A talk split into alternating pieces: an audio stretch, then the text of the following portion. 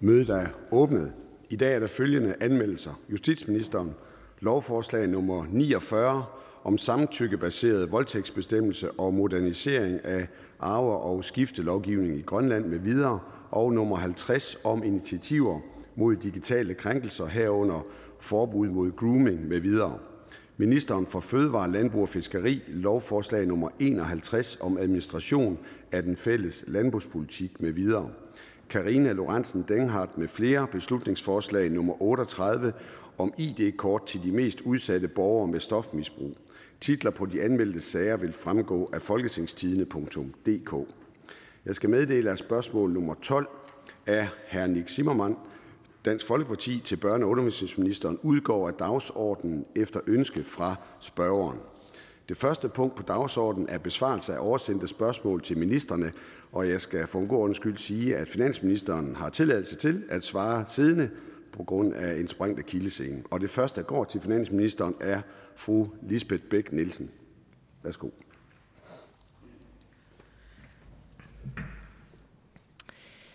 Hvad er ministerens holdning til, at Danmark hvert år tager værdier fra naturen svarende til ca. 10 procent af vores samlede BNP? Ministeren. Allerførst øh, tak for spørgsmålet. Øh, det grønne BNP er et øh, spændende forskningsprojekt, der blandt andet søger at værdisætte tab af biodiversitet, udledning af drivhusgasser og forurening af luft og vandmiljø. Og som finansminister så glæder det mig, at nogle af landets dygtigste økonomer forsker i at gøre fremskridt på at sætte tal på det grønne område, for det tror jeg, vi har en fælles interesse i bliver gjort. Øh, det er også sådan, at når regeringen træffer beslutninger om ny politik, så skal konsekvenser for miljø og klima som udgangspunkt øh, kortlægges som en del af beslutningsgrundlaget. Og de konsekvenser skal vi naturligvis hele tiden blive bedre til at regne på, så de kan være med i det samlede beslutningsgrundlag. Og det er også på den baggrund, at Finansministeriet støtter udviklingen af modellen Grøn Reform. Det er Finansministeriets ambition, at vi med modellen i fremtiden bliver endnu bedre til at sammentænke miljø og klimapolitikken med den økonomiske politik, fordi klima, miljø og biodiversitet er en meget vigtig prioritet for regeringen, ligesom jeg også ved, det er det for spørgeren. Klimakrisen er vores generations største udfordringer, og derfor har vi i regeringsgrundlaget sat de mest ambitiøse klimamål for Danmark nogensinde. Blandt andet vil vi jo hæve baren for klimaindsatsen og fremrykke målet for klimaneutralitet til 2045 og vi sætter også et mål om 110 procents reduktion i 2050. Og derudover kommer vi med ambitiøse udspil for Danmarks biodiversitet og miljø. Med andre ord, vi tænker det her øh, meget øh, alvorligt i forhold til at passe godt på vores klima, vores natur, vores biodiversitet, og vi arbejder målrettet på at få nogle bedre værktøjer til at se, også i en økonomisk sammenhæng, hvad betydningen er af de beslutninger, vi træffer for vores klima, natur og miljø. Spørgeren. Tak for det. Øhm, og, øh, og ministeren har jo ret i, at øh, det her er et arbejde, der, der løbende pågår, og hvor vi prøver hele tiden at blive klogere. Øh, selvfølgelig først og fremmest de øh, kloge forskere, som, øh, som arbejder med det grønne BNP. Øhm, og når jeg jo stiller spørgsmål på den her måde, så var det jo fordi, at der ved præsentationen øh, kom frem, at øh, øh man vurderede, at der hvert år skete øh, ødelæggelser for, øh, for et beløb svarende til, til 10 procent af vores BNP, og det er jo et gigantisk, voldsomt stort øh, tal.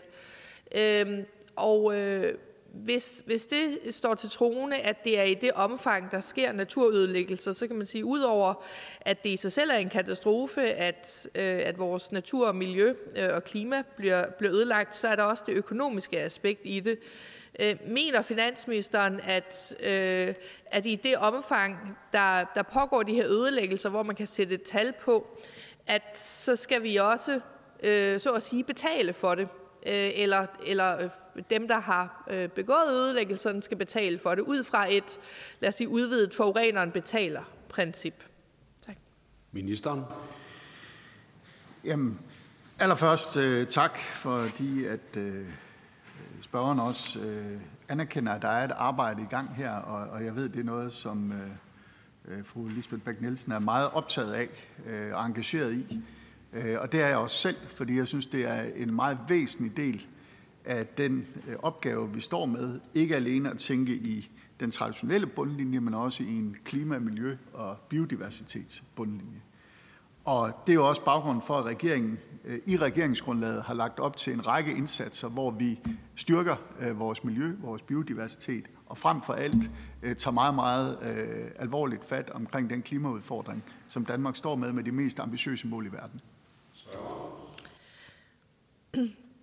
Jeg er helt med på, at regeringen i regeringsgrundlaget har sat nogle øh, rigtig flotte øh, grønne mål, specielt på, øh, på klimaområdet. Jeg prøver bare at, at, at grave et spadestik dybere og høre, hvad, hvad finansministeren siger til, om det lige præcis er 10 procent eller et, et andet be, be, øh, beløb, så er det jo nogle voldsomt store øh, beløb, der er at tale om. Og, øh, og hvem skal ligesom betale regningen? Det, det taler vi jo tit herinde om. Pengene skal passe, regningen skal betales. Hvem skal, der, øh, hvem, hvem skal betale, når vi øh, ser på, hvad der sker med vores øh, vandløb, åer, øh, biodiversitet øh, og, og lignende? Det er jeg prøver at blive konkret på. Også fordi det var et af de spørgsmål, vi besvarede i fællesskab, da vi lavede en CO2-afgift for erhvervslivet. Øh, der skal vel også være nogen, der betaler regningen for de ting, der sker i vores natur og miljø. Ministeren. Jamen, jeg tager meget alvorligt, at øh, der er øh, en, en omkostning for vores natur og miljø, og det er også derfor, at man jo grundlæggende har et forureneren betaler-princip. Og derudover så iværksætter vi jo en række indsatser, som regering og folketing på det statslige niveau. Det sker også på kommunalt og regionalt niveau. Øh, og hvad det præcise tal er, det har jeg ikke noget finansministerielt skøn over, men, men spørgeren har jo ret i, at uanset om det er det ene eller det andet beløb, så er det en, en udfordring, vi står med. Tak for det. Og så er det spørgeren for det sidste spørgsmål. Værsgo. Tak. Bare for at skære helt ind til benet af det. Er det rimeligt i finansministerens optik, at man også på det her område følger en, følger en øh, forureneren betaler øh, logik. Ministeren. Jeg tror, at øh, det er vigtigt, at man ser det her som en, en bred samfundsudfordring, hvor der selvfølgelig er et klart element af, at forureneren betaler, men hvor vi også som samfund ved at træffe en række beslutninger kan modgå de her øh, tendenser. Øh, og det er det, der øh, skal ses i en sammenhæng, fordi det er så store øh, ting, der er på spil her, og i øvrigt også meget store beløb. Tak for det, og det afslutter øh, spørgsmålet. Og jeg tror, vi giver finansministeren fri. Og så går vi videre til spørgsmål nummer 4. Det er til indrigs- og sundhedsministeren af hr. Jens Henrik Tusinddal. Værsgo. Tak for det. Mener Det må vi tage bagefter, hvis det er. Jeg kan også tage det nummer tre, hvis det skal være det. Nej. Vi tager spørgsmål nummer 4. Det er spørgeren øh, til spørgsmål nummer 3, ikke i salen. Så vi tager spørgsmål nummer 4. Værsgo til spørgeren. Mener ministeren, at psykiatrien har tilstrækkelige gode muligheder og vilkår for at opspore, udrede og behandle mennesker med psykisk mistrivsel og sygdom i dag? Det korte svar det spørgsmål, det er jo i virkeligheden nej. Det lidt længere spørgsmål er, som jeg også har understreget flere gange som indenrigs- sundhedsminister, at der ikke er nogen tvivl om, at vi fra regeringens side mener, at psykiatrien har brug for et markant løft. Et løft, der også rækker ud over den aftale, der blev indgået om en 10-årsplan for psykiatrien og mental øh, sundhed øh, tilbage i efteråret. Og det er også derfor, at vi som regering med vores regeringsgrundlag har lagt et tårnhøjt ambitionsniveau i forhold til psykiatrien og de store investeringer, som vi mener, der er behov for i de kommende år. Og med yderligere 3 milliarder i en ny 10-årig psykiatriplan, som kommer oven i de 500 millioner årligt fra den tidligere psykiatriaftale, der blev lavet, jamen så vil det betyde, at psykiatrien vil være øget med 4 milliarder ekstra om året om 10 år. Og den massive investering i psykiatrien skal selvfølgelig danne grundlag for, at vi kan få en nyere, bedre, langt mere sammenhængende psykiatri, og investeringerne skal være med til jo både at sikre flere sengepladser, flere hænder til at løfte opgaven i forhold til de enorme udfordringer, som psykiatrien står overfor, både når det gælder opsporing, men også når det gælder øh, udredning og behandling i psykiatrien og socialpsykiatrien. Tak for det. Spørgeren. Jamen, det er, jo, det er jo dejligt at høre ministeren bekræfte det, som jeg også tror, der står i regeringsgrundlaget, at der er rigtig, rigtig mange planer for det her. Øh, men så undrer det mig jo lidt, at øh, der sådan er den her såkaldte her nu pakke på 77 millioner, der blev aftalt i psykiatripakken for september, og som skal udmyndes i 23. Øh, når man sammenligner lidt med, at der afsættes 800 millioner i akutplanen for sygehusvæsenet. Altså, vi er sådan set enige om, at det er nødvendigt at også gøre noget i forhold til akutsystemet og i forhold til det, det generelle sundhedsvæsen, det generelle sygehusvæsen. Men, men, men hvor bliver psykiatrien af i det her? Altså, skal vi ikke gøre, have sørge for, at der snart kommer flere midler til det? Ministeren. Det skal vi i den grad, og det har den her regering også tænkt sig at levere på. Nu har vi ikke præsenteret vores forslag til finanslov endnu, men når det gør, så kan ordføreren se frem til at læse ned i den såkaldte paragraf 16, der er indrigs- og sundhedsministerens øh, budgetoversigt øh, i forhold til finanslovsforslaget. Fordi her vil det jo sådan set fremgå, at det ikke alene er den bevilling, som ordføreren her henviser til, men det er prioriteringen på en halv milliard fra 2023 og frem, som vi lægger op til nu at investere ekstra øh, i psykiatrien. Spørgeren. Så får jeg jo lyst til at spørge, for nu så jeg lige, NB Økonomi havde et forlydende om, hvad der står i den der finanslov, som ministeren henviser til. Og der lød, ser det ikke ud som om, at der er de store ekstra penge, når man kommer et par år eller to frem. Så, så det ministeren siger her, er det, at der bliver lagt den der halve milliard permanent oveni hvert år på psykiatrien de kommende år? Ministeren. Nu har jeg desværre ikke haft lejlighed til at læse NB Økonomi, det er ellers et glimrende øh, medie. Når jeg her godt kan stå og annoncere, at der kommer en halv milliard ekstra til psykiatrien for 2023 og frem, så er det fordi, det har et flertal her i Folketinget allerede besluttet og vedtaget. Godt nok er partiet Danmarksdemokraterne ikke en del af den psykiatriaftale, men vi har prioriteret jo at sikre nu her, at vi får tilføjet de ekstra, eller den sundhedsaftale, der blev lavet som psykiatriaftalen, så efterfølgende en del af. Vi har fået prioriteret der, at der skal afsættes en halv milliard øh, mere. Og hvis jeg måtte have taget fejl af Danmarksdemokraterne, så er med i den aftale, så er det jo kun godt, fordi så er ordføreren jo også hermed blevet oplyst om, hvad man allerede har skrevet under på politisk, som der skal investeres fra 2023 og frem. Det, der er behov for, det er jo, at vi ikke kun gør noget her på den korte sigte, men også kigger fremad og dermed finder investeringer til en reel 10-årsplan for psykiatrien, og ikke bare i godseøjne en 2-årsplan. Sidste spørgsmål for spørgen. Jamen, det er, jo, det er jo derfor, jeg også efterlyser lidt øh, fakta. Og vi var faktisk for Danmarksdemokraterne med til at forhandle psykiatriplanen i september. Så ja, vi er med i den del, og jeg er godt bekendt med det, der står i den aftale.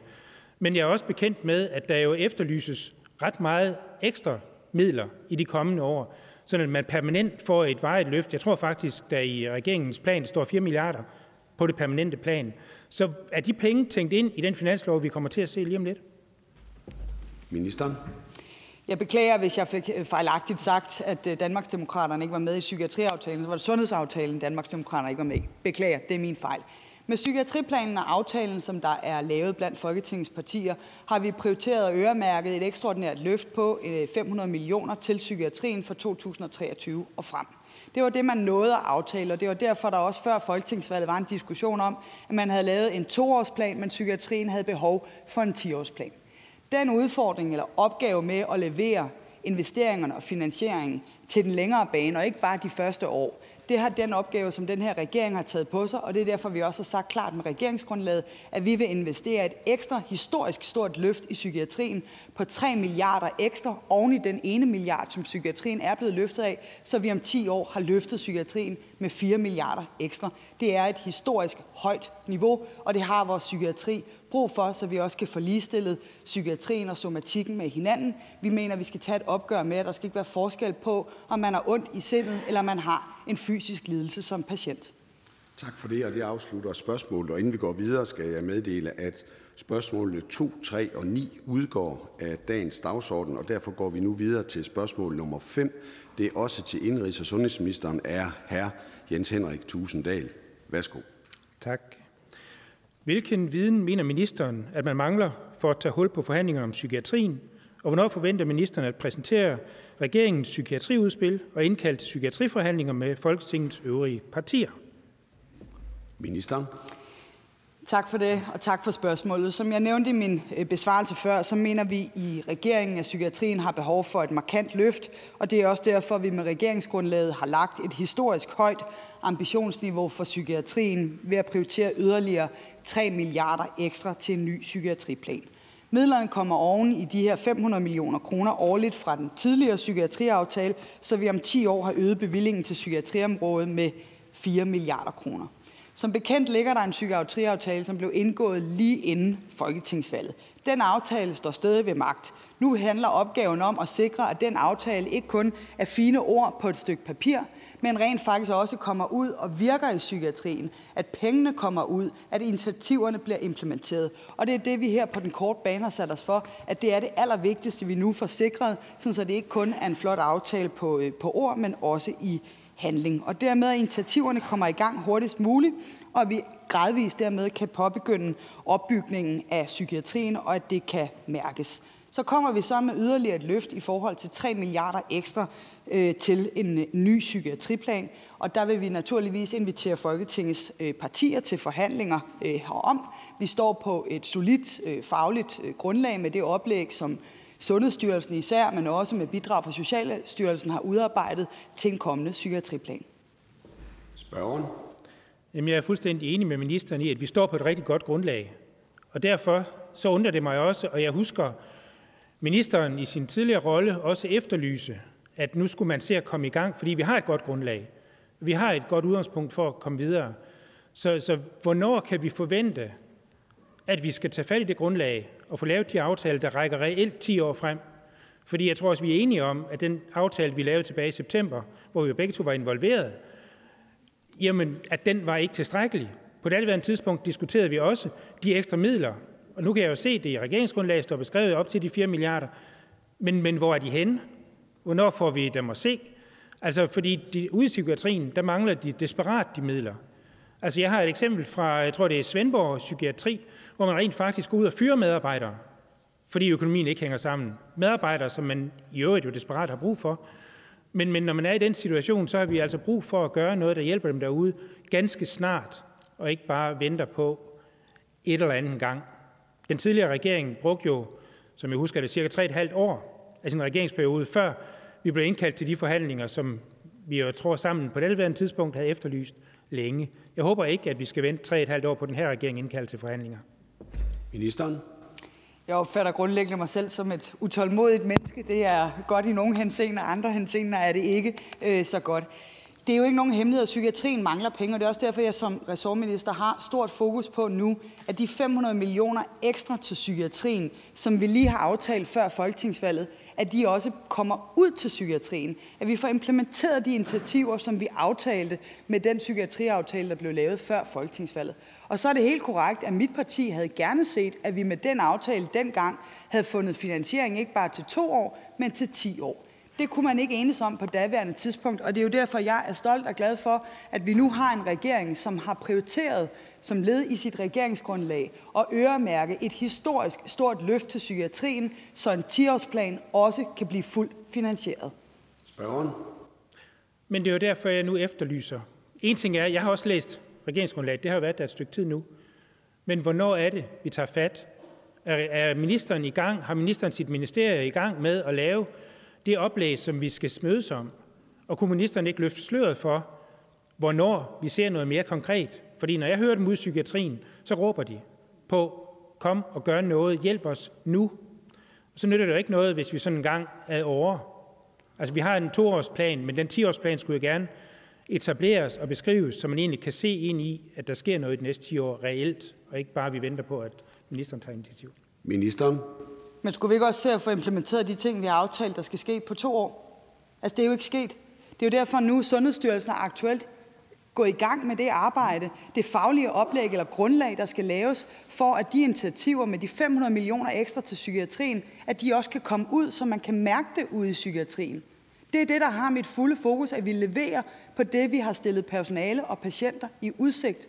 Det synes jeg er helt, helt afgørende, både når vi snakker psykiatrien og når vi snakker øh, socialpsykiatrien. Herudover så synes jeg, det er vigtigt, at for uden at psykiatrien skal have et selvstændigt fokus, så skal psykiatrien jo også ses som en del af det samlede øh, sundhedsvæsen. Og der har vi jo annonceret, også med regeringsgrundlaget, at vi nu her inden længe nedsætter en sundhedsstrukturkommission, og der er det selvfølgelig også relevant, at øh, så at sige, en ny psykiatriplan også kommer til at kunne tage højde for de anbefalinger, øh, som en sundhedsstrukturkommission måtte øh, anbefale, og som efterfølgende regering og forhåbentlig også et flertal i Folketinget ender med at beslutte sig for. Spørger for det sidste spørgsmål. Men, men der bliver jeg jo så netop en lille smule bekymret, fordi når jeg nu hører, at der bliver henvist til en strukturkommission, som jeg sagtens kan se, der kan være en idé i, men samtidig så får jeg den bekymring, gør det så, at vi ikke kommer i gang med i øvrigt den politiske forhandling. At Sundhedsstyrelsen er i gang med at implementere den aftale, der er lavet, skulle vel heller ikke forhindre, at vi politisk tog fat i, hvordan laver vi den reelle 10-årsplan. Altså tage fat i den politiske debat om det, det vil jeg meget gerne opfordre til, og jeg vil håbe, at ministeren vil give tilsavn om, at vi inden for relativt kort tid bliver indkaldt til, til diskussioner af, hvordan kommer vi videre med det her. Ministeren får en afsluttende bemærkning. Ja, hvordan vi kommer videre med det her, det forudsætter i hvert fald, at den toårsplan, vi har lavet, at den også bliver omsat til virkelighed. Det er det, der har mit fulde fokus nu her. Altså, fordi hvis vi begynder nu allerede at sige, at nu vil vi hellere snakke om, hvad der skal ske om fem år, om otte år, skulle vi ikke starte med at levere på det, vi har, har sagt og lovet patienterne og personalet de næste to år. Det er 500 millioner ekstra om året, hvor Sundhedsstyrelsen laver den faglige forberedelse. Det skal jo efterfølgende implementeres, aftales og forhandles med blandt andet kommunernes landsforening, men også med danske regioner, og det er en aftale, jeg håber, vi kan lave her i løbet af foråret eller den tidlige sommer. Tak for det, og det afslutter spørgsmålet. Vi siger tak til øh, sundhedsministeren og tak til spørgeren. Og mødet er udsat til klokken halv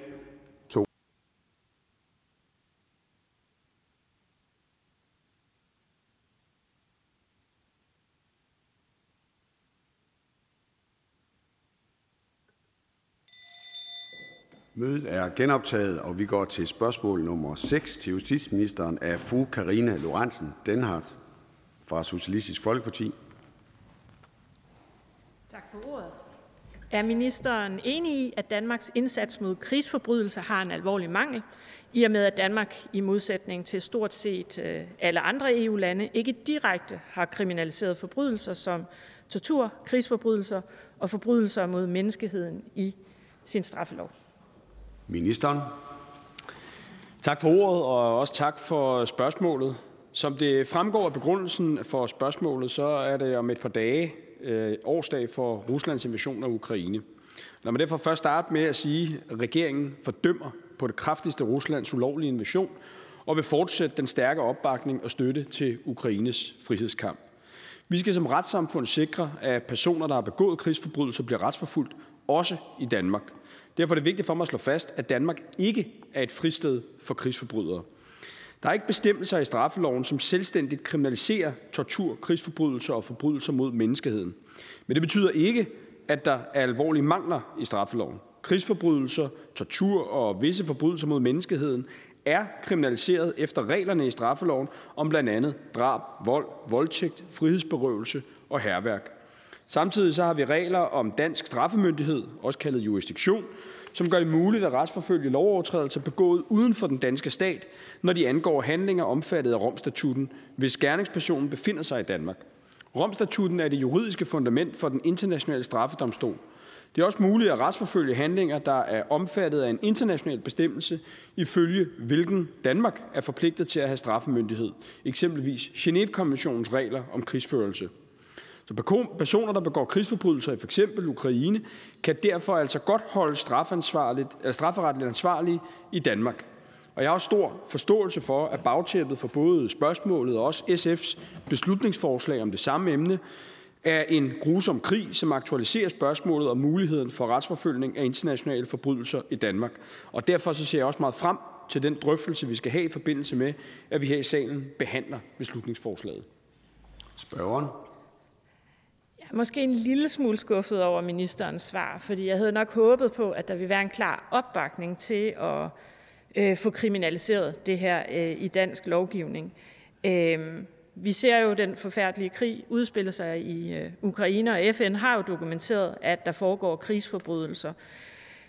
Mit spørgsmål er derfor, er ministeren helt sikker på, at der ikke er huller i vores strafmuligheder i dag? Fordi for eksempel peger Amnesty, Institut for Menneskerettigheder og Dignity i et fælles indlæg på, at det ikke er nok med straffelovens eksisterende paragrafer om øh, vold og drab, fordi vi uden den helt rigtige klassificering af forbrydelserne risikerer, at gerningsmændene slipper for at blive retsforfulgt for det fulde omfang af deres forbrydelser. Så er ministeren fuldstændig sikker på, at straffeloven dækker alt, når det handler om krigsforbrydelser, tortur osv.? Altså først og fremmest vil jeg sige, at der er ikke nogen grund til at, øh, at være skuffet, øh, fordi at min indledende besvarelse af spørgsmålet skulle ikke lyde som en afvisning af ønsket om særskilt at kriminalisere, øh, men baserer sig alene på en vurdering af, at der ikke er alvorlige mangler i straffeloven. Altså krigsforbrydelser, tortur og også vis forbrydelser mod menneskeheden, det er kriminaliseret efter reglerne i straffeloven om blandt andet drab, vold, voldtægt, frihedsberøvelse og herværk.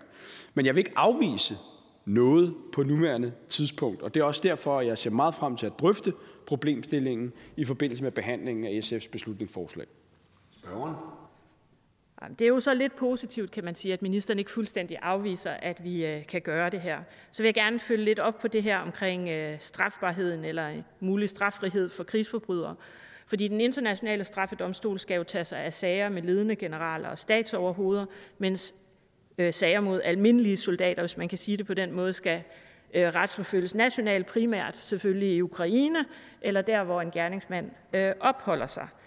Men ifølge Dignity og Amnesty er det for eksempel uklart, hvordan angreb, øh, der ikke skældner mellem civile og kombatanter eller brug af eksplosive våben med uforholdsmæssig stor effekt i tæt befolkede områder, er kriminaliseret i Danmark, og mener ministeren så, at vi på nuværende tidspunkt har en klar straffelov på det område, eller kunne det være et ekstra argument for at kriminalisere krigsforbrydelser? Ministeren. Jamen, altså, jeg, jeg tror i virkeligheden, jeg, jeg vil gentage noget af det, jeg har sagt. Altså nemlig, at den umiddelbare vurdering er, at der ikke er mangler i straffeloven, for så vidt angår kriminalisering af forbrydelser begået i forbindelse med en, øh, en, en krig. Øh, men når det er sagt, så synes jeg, at det er en relevant diskussion. Jeg synes, det er Øh, også et legitimt ønske for at have den diskussion, der, øh, som vi skal have i forbindelse med SF's beslutningsforslag. Og det er også af samme årsag, jeg heller ikke vil afvise, at vi kan gå ned af, af den sti. Spørgeren får et afsluttende spørgsmål. Altså, mm, så vil jeg måske spørge ministeren øh, på en anden måde. Hvad skal der til for, at ministeren så bakker op omkring det her forslag? Altså, det er jo ikke en helt hypotetisk situation. For det første har ministeren jo oversendt et svar til mig om, at øh, der faktisk er to øh, ukrainske flygtninge, som har anmeldt sager i Danmark. Og i Norge har vi jo set, at man har fået en afhoppet Wagner-soldat, øh, som man også har anholdt og modtaget. Så det er jo ikke en helt hypotetisk situation. Så hvad mener øh, ministeren egentlig, der skal til for, at vi får det særskilt kriminaliseret så? Ministeren for en afsluttende bemærkning. Jamen, altså det her det er noget, vi, vi tager øh, meget, meget alvorligt, og jeg forstår også godt, hvor SF's ønske kommer fra. Af samme årsag, så rejser jeg også selv om nogle uger til en øh, justitsministerkonference øh, i Storbritannien om netop retsforfølgning af øh, krigsforbrydelser begået i forbindelse med krigen i Ukraine. Og så bare sige, at Danmark har jo tidligere også retsforfulgt personer for både grov vold og vold med døden til følge, begået i forbindelse med for eksempel den væbnede konflikt i, øh, i Jugoslavien. Og det er selvfølgelig også der, den indledende vurdering af, at der ikke er mangler i straffeloven, stammer fra. Men det ændrer ikke ved, at vi tager den her drøftelse øh, med, med SF med åben pande og afviser ikke noget.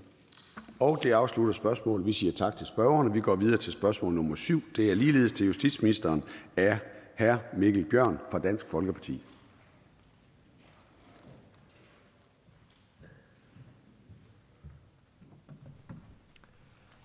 Tak for det. Jeg kunne godt tænke mig at høre, om øh, ministeren ikke vil tilkendegive regeringens holdning til det generelle strafniveau i øh, Danmark for kriminalitet, herunder navnlig personfarlig kriminalitet, i lyset af blandt andet formanden for Dommerforeningens meningstilkendegivelser om at nedbringe strafniveauet. Ministeren. Tak for ordet, og også tak til spørgeren for spørgsmålet.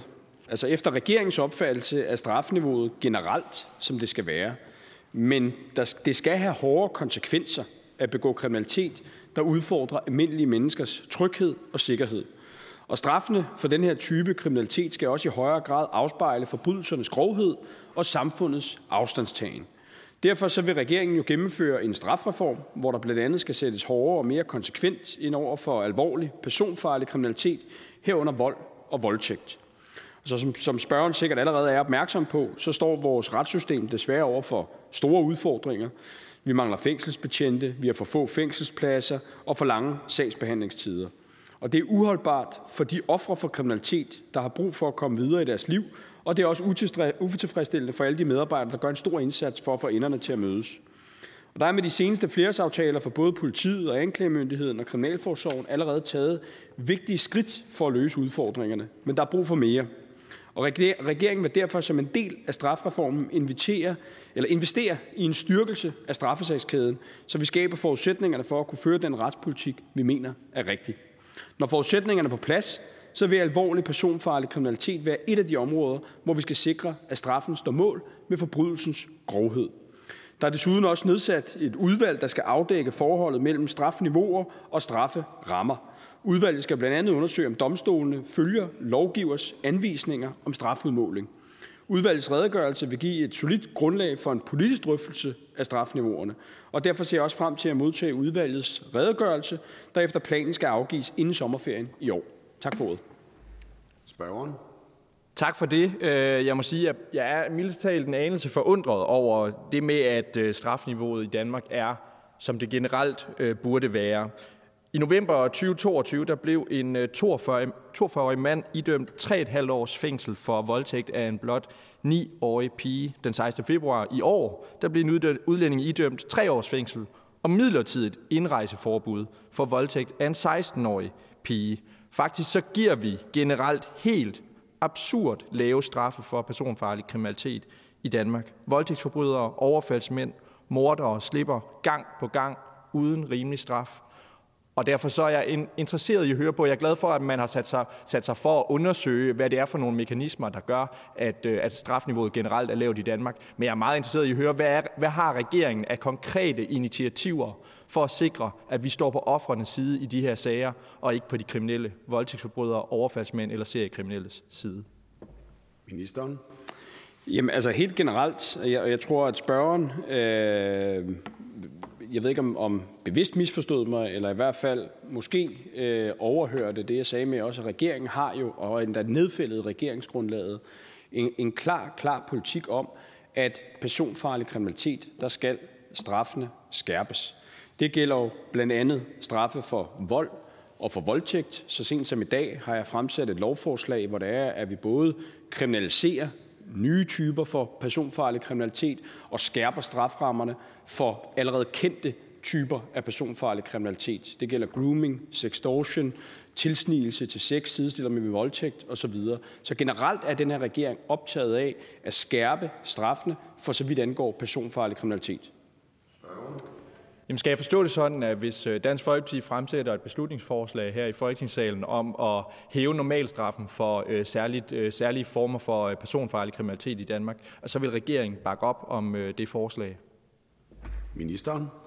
Nej, sådan skal det dog alligevel heller ikke forstås. Og det skal det jo ikke af den årsag, at vi jo synes selvfølgelig, det er vigtigt, at når det er, at vi måtte beslutte, at vi skal skærpe straffene, som det blandt andet er afspejlet i regeringsgrundlaget, så vil vi jo gerne have en forhandlet politisk proces omkring det.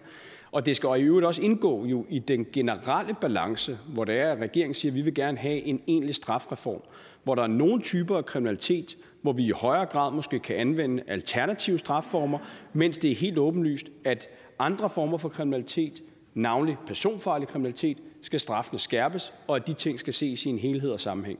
Spørgeren for en afsluttende spørgsmål.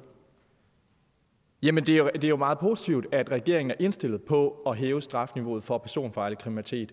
Udfordringen er jo bare, at blandt andet i hvert fald, at meget ofte, så, øh, så er det jo meget af dem, der begår øh, meget af den personfarlige kriminalitet, det er udlændinge. Og derfor så er jeg interesseret i at høre ministeren øh, syn og regeringens syn på øh, udvisning af kriminelle udlændinge. Og, øh, og hvis Dansk Folkeparti stillede et forslag om udvisning af kriminelle udlændinge ved første dom her i Folketingssalen, om regeringen så vil bakke op om, øh, om det forslag.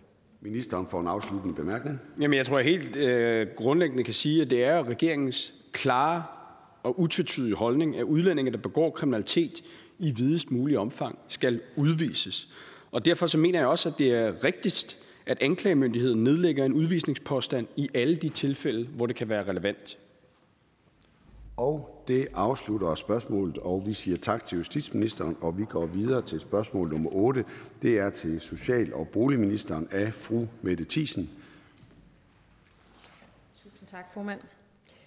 Vil ministeren tage initiativ til, at termen forældrefremmedgørelse anerkendes i lovgivningen på en måde, hvorpå en forælder manipulerer et barn til at tage afstand fra den anden forælder i en forældremyndigheds- eller samværssag, og at forældrefremmedgørelse derved vil have konsekvenser for den udøvende part? Ministeren. Altså det korte svar er ja, men så bliver det en, uf- en ufattelig kort spørgerunde, så jeg uddyber det lige lidt.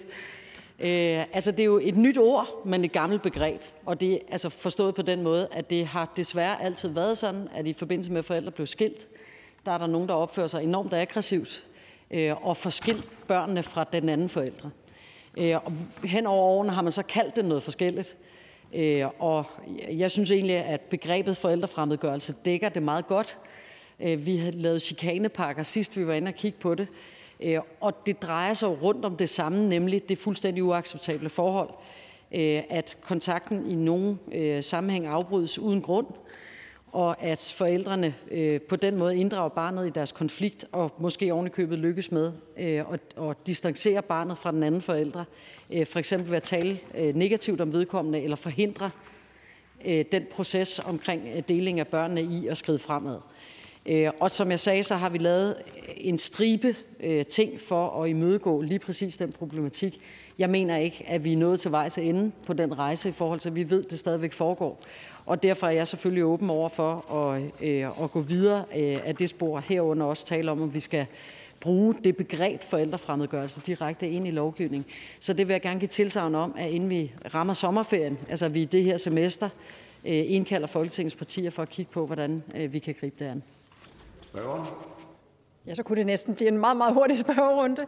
Øh, tusind tak. Jeg kan også godt afsløre for dem, der sidder og hører med, at ministeren og jeg har drøftet det her også øh, før. Det er jo noget, der har, har, har ligget mig i hvert fald meget på sinde også øh, rigtig længe. Så tusind, tusind tak for det tilsavn.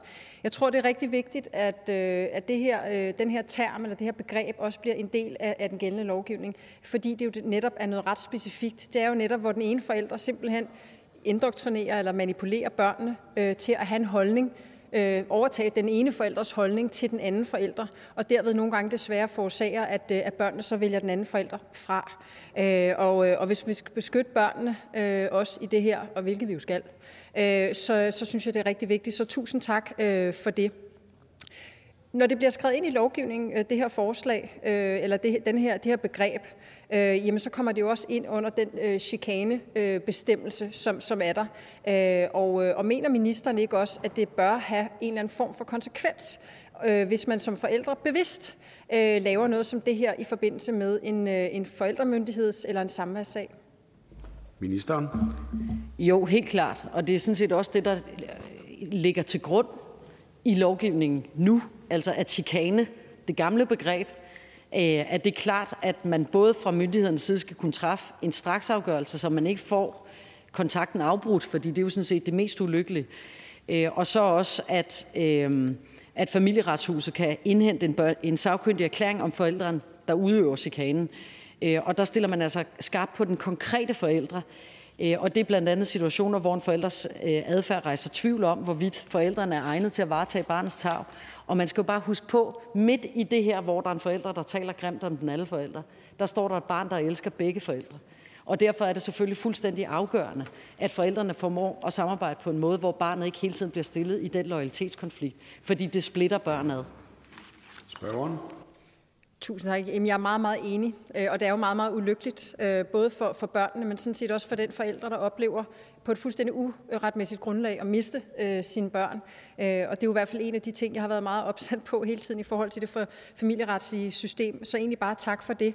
Øh, jeg havde egentlig tænkt mig at stille et beslutningsforslag om øh, forældrefremmedgørelse, øh, for netop at få det ind i lovgivningen, og det skal have konsekvenser. Øh, men det kan jeg næsten høre, det behøver jeg sådan set ikke. Øh, så jeg glæder mig til at modtage den her invitation. Minister. Jamen tak for det, og jeg glæder mig mægtig meget til samarbejdet om det. Altså man kan, jeg elsker altid at diskutere alt, hvad der vedrører det her område, for det er så vanvittigt vigtigt for børnene, at vi griber rigtigt omkring det. Og jeg vil sige, noget af det, jeg vil lægge vægt på, i, når vi skal have drøftelserne om det her, det er jo også, at for nogen, der er det at forsøge at holde sit barn væk fra den anden forælder jo også helt relevant. Og det er jo det, der gør de her sager så ufatteligt svære. Der er i nogle sammenhæng, der foregår det helt uretmæssigt. Simpelthen bare en forælder, der bliver skubbet ud af barnets liv, fordi den anden forælder synes, det er det, der skal ske. I andre tilfælde der er der tale om vold eller overgreb eller andre ting, som jo er ganske, ganske alvorlige, og hvor den distancering er helt relevant for at passe på sit barn. Jeg, altså, jeg mener, vi skal tage en politisk drøftelse om det, øh, og så langt som beslutningsforslag. Jeg tror heller, vi skal stille noget lovforslag, og så gøre det i fællesskab. Ønsker spørgeren det sidste spørgsmål? Jeg vil egentlig bare øh, slutte af med at sige, at, øh, at jeg glæder mig til at modtage den invitation, som jeg også sagde øh, før. Det her det er ekstremt vigtigt. Øh, det, er ikke, øh, det er ikke alene vigtigt for børnene, men det er også rigtig vigtigt øh, for de forældre, som føler sig fanget i et system, hvor man øh, står lidt retsløse øh, og mister sine børn på et ufuldstændigt grundlag. Så jeg glæder mig rigtig meget til de generelle drøftelser og til at få invitationen til det her møde. Tak. Ministeren. Så afslutter det øh, spørgsmål. Vi siger tak til social- og boligministeren. Tak til spørgeren. Vi går videre til spørgsmål nummer 10. Det er til beskæftigelsesministeren, og det er hr. Nick Zimmermann fra Dansk Folkeparti.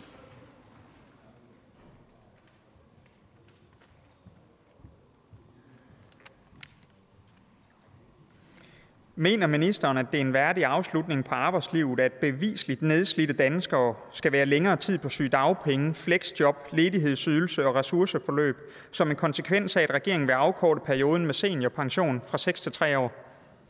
Ministeren. Tak for spørgsmålet, som vi jo også øh, begge lige er løbet ud af et øh, samråd øh, omhandlende. Nu tager vi den også her, det gør jeg gerne. Regeringen har fremlagt et ambitiøst reformprogram, som jeg også lige har øh, redegjort for i samrådet. Øh, og der er en lang række elementer, hvor det her det er det ene. Øh, vi har klart sagt fra start, at øh, hvis vi vil udbygge vores velfærdssamfund, øh, så kræver det også nogle gange nogle ikke så nemme eller populære beslutninger. I det hele taget. Det her konkrete forslag, hvor vi sammenlægger seniorpension med tidlig pension, handler om at finde den rette balance mellem en stærk og robust dansk økonomi, øget beskæftigelse, men også gode muligheder for tidlig tilbagetrækning. Og jeg vil gerne slå fast, at hvis man er for syg til at arbejde, så skal man ikke arbejde. Men samtidig så skal vi sikre nogle rammer for, at enhver kan bidrage med det, den enkelte kan. Og vi ved, at mange af dem, der overgår til øh, seniorpension, kommer fra andre ydelser, for eksempel sygedagpenge, som spørgeren også henviser til. Men en del af dem, der i dag vil kunne overgå til seniorpension, vil også have mulighed for at fastholde noget tilknytning til arbejdsmarkedet. Og det er værd at huske på, at arbejdsevnekravet i seniorpensionsordningen relaterer sig til det seneste job, man har haft, og for nogen vil det være muligt at finde et andet og mindre krævende job i en anden branche. Her har vi også alle en fælles forpligtelse til at skabe et rumligt og inkluderende arbejdsmarked. Tak for ordet. Spørgeren.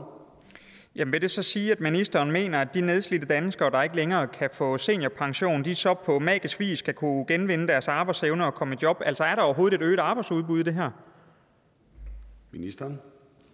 Jamen på magisk vis er sådan lidt et, øh, et voldsomt øh, begreb at bruge, når vi har med en gruppe at gøre, som jo for nogens vedkommende er i arbejde i dag, er i flexjob i dag. Det vil de kunne blive ved med at være for nogens vedkommende. Andre vil skulle overgå til nogle andre ydelser. Øh, og det er øh, jo meget tydeligt, når vi ser på, hvor folk kommer fra, at der vil også være nogen, som, øh, som, skulle, som skal en anden vej hen. Øh, og det er der taget højde for i de her beregninger. Spørgeren.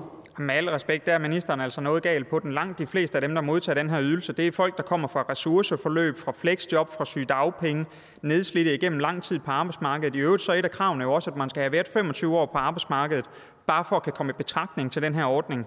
Så at ministeren mener, at det er nogen, der kommer i forvejen fra alle mulige andre, det, det ved jeg altså ikke lige, om jeg, om jeg vil være enig i, fordi langt de fleste kommer jo altså fra en ordning, de i forvejen har trukket sig ud af arbejdsmarkedet for at få. Ministeren. Jamen, så vidt jeg lige selv erindrer tallene, og nu skal man passe på, når man taler for Folketinget under ministeransvar, men jeg tror, det er 6 procent, der kommer fra øh, beskæftigelse, og 11 procent, der kommer fra flexjob, og det er vel trods alt en eller anden form for tilknytning til arbejdsmarkedet. Det er også rigtigt, at der er mange, der kommer fra andre ydelser, og de ydelser vil der jo også være i fremtiden, men der vil også være nogen, som for eksempel er dem, spørgeren spørger til på sygedagpenge, så vil skulle have en afklaring, og hvis de ikke kan arbejde, så skal de selvfølgelig ikke det. Spørgeren for et afsluttende spørgsmål. Ja, så bliver jeg nødt til lige at få et fuldstændig klart svar på, om ministeren mener, at det med at forringe danskernes mulighed for seniorpension, det altså vil kunne genvinde deres arbejdsevne øhm, og, og, komme, og komme i job. Altså, jeg bliver nødt til at høre helt konkret, hvad er det, man mener, der er det øget arbejdsudbud i det her? Ministeren for en afsluttende bemærkning. Jamen, der er jo forskellige elementer i det. Nogle er uden for arbejdsmarkedet i dag, og vil ikke kunne komme ind på arbejdsmarkedet igen. Der vil være nogen, der skal have en førtidspension, eller nogen, der skal være på andre ydelser. Der vil også være nogen, der er i flexjob i dag, som vil kunne fortsætte i deres flexjob de tre år, det kræver. Det er jo faktisk at bevare en vis tilknytning til arbejdsmarkedet. Og det afslutter spørgsmålet. Vi siger tak til spørgeren og byder velkommen øh, til hr. Morten Messerschmidt, som har spørgsmål nummer 11 og ligeledes til beskæftigelsesministeren. Tak, formand. Vil ministeren i tilknytning til lovforslaget om afskaffelse af stor bededag tilkendegive regeringens holdning til Dansk Folkepartis ændringsforslag om indsættelse af en solnedgangsklausul, hvorved en permanentgørelse af afskaffelsen af stor bededag betinges af en gennemarbejdet vurdering af forslagets reelle samfundsøkonomiske effekter? Ministeren. Tak for spørgsmålet. Det vil regeringen og jeg meget gerne. Øh, afskaffelsen af stor bededag og det at gøre den til en almindelig arbejdsdag er et permanent tiltag i det lovforslag, vi har fremsat. Vi står i en situation, hvor der er behov for prioriteringer til at finansiere de øgede udgifter til vores forsvar og til fælles sikkerhed i Danmark. Et bredt flertal i Folketinget har besluttet, at de forsvarsudgifter de skal løftes markant og varigt, og derfor er der også varige udgifter, øh, der skal dækkes. Den her regering bruger Finansministeriets regneprincipper på vores forslag, ligesom tidligere skiftende regeringer har gjort det. På den baggrund så kan regeringen ikke støtte ændringsforslaget om at indføre en solnedgangsklausul i loven. Spørgeren. Det er jo en underlig måde, og selv, ja, nærmest selvmodsigende måde øh, at kommentere spørgsmålet på, fordi ja, der skal flere penge i kassen, det vil vi også gerne hjælpe med. Men hvis nu ikke der kommer flere penge i kassen som følger af det her overgreb øh, på vores helligdag, som regeringen har gang i, hvorfor skal det så ikke falde bort? Altså, vi har lige haft en høring øh, nede i landstingssalen, hvor flere øh, eksperter var på banen, herunder også økonomiske eksperter, så må man sige, Øh, så noget alvorligt tvivl om, øh, om der er en varig effekt af at fjerne stor bededag. Og hvis nu det viser sig, at der ikke er en, nogen effekt, øh, hvorfor kan regeringen så ikke allerede nu sige, at så skal man selvfølgelig have stor bededag tilbage? Altså det handler jo om sådan set også at sikre regeringens egen legitimitet. Hvis man siger, at jamen, vi fjerner stor bededag, fordi vi vil have de her milliarder i kassen, hvis det så viser sig om to år eller om tre år, jamen det havde ikke den effekt, fordi den normændring, man havde øh, forudsat, jamen den udeblev, så er det vel meget naturligt, at man får stå bededag tilbage. Og der er jo ret stærke argumenter, kunne jeg jo også forstå på høringen, for at antage, at, at den normændring, som Finansministeriet håber på kommer, ikke vil komme. Blandt andet fordi, at vi har cirka en million borgere her i landet, som er under 18, og som ikke er omfattet. Det vil sige, at de skal stadig ikke i skole, i gymnasier, folkeskole og erhvervsskoler osv. Man kan godt forestille sig, at deres forældre så måske også vil prioritere at holde fri den dag. Der er sådan, synes jeg efterhånden, temmelig svært at få øje på, hvad det egentlig er, regeringen har, udover regeringen selv, at støtte sig til i forhold til forventninger om, at de her mange milliarder, som man så vil bruge på forsvaret, at de kommer ind som følge af det her. Og derfor er det vel bare sådan sund fornuft og øvrigt også i overensstemmelse med regeringens egne løfter, at sige, jamen kommer de penge ikke i kassen, så genindfører vi selvfølgelig stor bededag. Ministeren. Tak for det. Nu gik øh, spørgsmålet på, om øh, jeg som øh, ansvarlig for minister for lovforslaget har tænkt mig at indsætte en solnedgangsklausul. Til det er svaret klart nej. Hvis der ønskes svar på beregningsforudsætninger, så har der været rig mulighed for det, blandt andet tidligere i dag. Men jeg er sikker på, at man også kunne opleve, at en ministerkollega ville svare på det her i salen. I forhold til, om børnene skal i skole, Altså, det kan jo sagtens være, at børnene skal i skole den fredag i fremtiden. Vi hæver bare ikke årsnormen. Men det er jo kommunalt bestemt, hvornår de feriedage ligger. Så om det er en, en dag længere sommerferie, den enkelte kommune vælger, det er der altså fuld frihed for. Det kan sagtens være, at der er skolebørn, der skal i skole på den fredag. Spørgeren. Ja, altså jeg er ked af, at ministeren ikke har fået læst spørgsmålet igennem, men hun kommer og svare på det. Men det er meget enkelt. Altså, det handler om at indsætte en solnedgangsklausul, som medfører, at forslaget bortfalder, så frem det viser sig ikke at have den økonomiske effekt, som regeringen fremlægger. Det er det, ministeren er blevet bedt om at tilkendegive.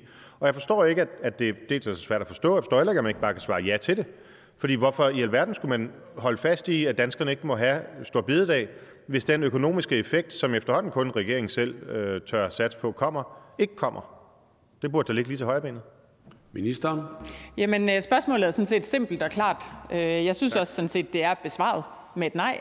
Vi har ikke planer om at nedsætte, øh, indsætte en solnedgangsklausul i forslaget om at afskaffe stor bededag. Jeg synes sådan set også, at øh, jeg har svaret meget klart, hvad det er, jeg øh, støtter mig på.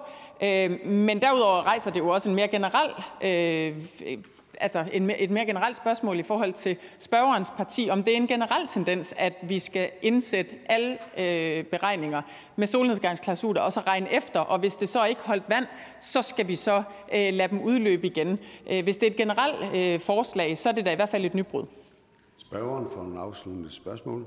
Ja, det synes jeg er en god idé. Altså generelt, når regeringen øh, erklærer krig mod kirken, øh, fagbevægelsen og flertallet af danskere, så tror jeg, vi skal arbejde med solnedgangsklausuler. Det tror jeg rigtig mange vil være glade for. Jeg vil nærmest gå så vidt at sige, at jeg vil også håbe, at den her regering har en solnedgangsklausul, så vi kan få en anden en af slagsen. Men det er stadig ikke det, der er spørgsmålet.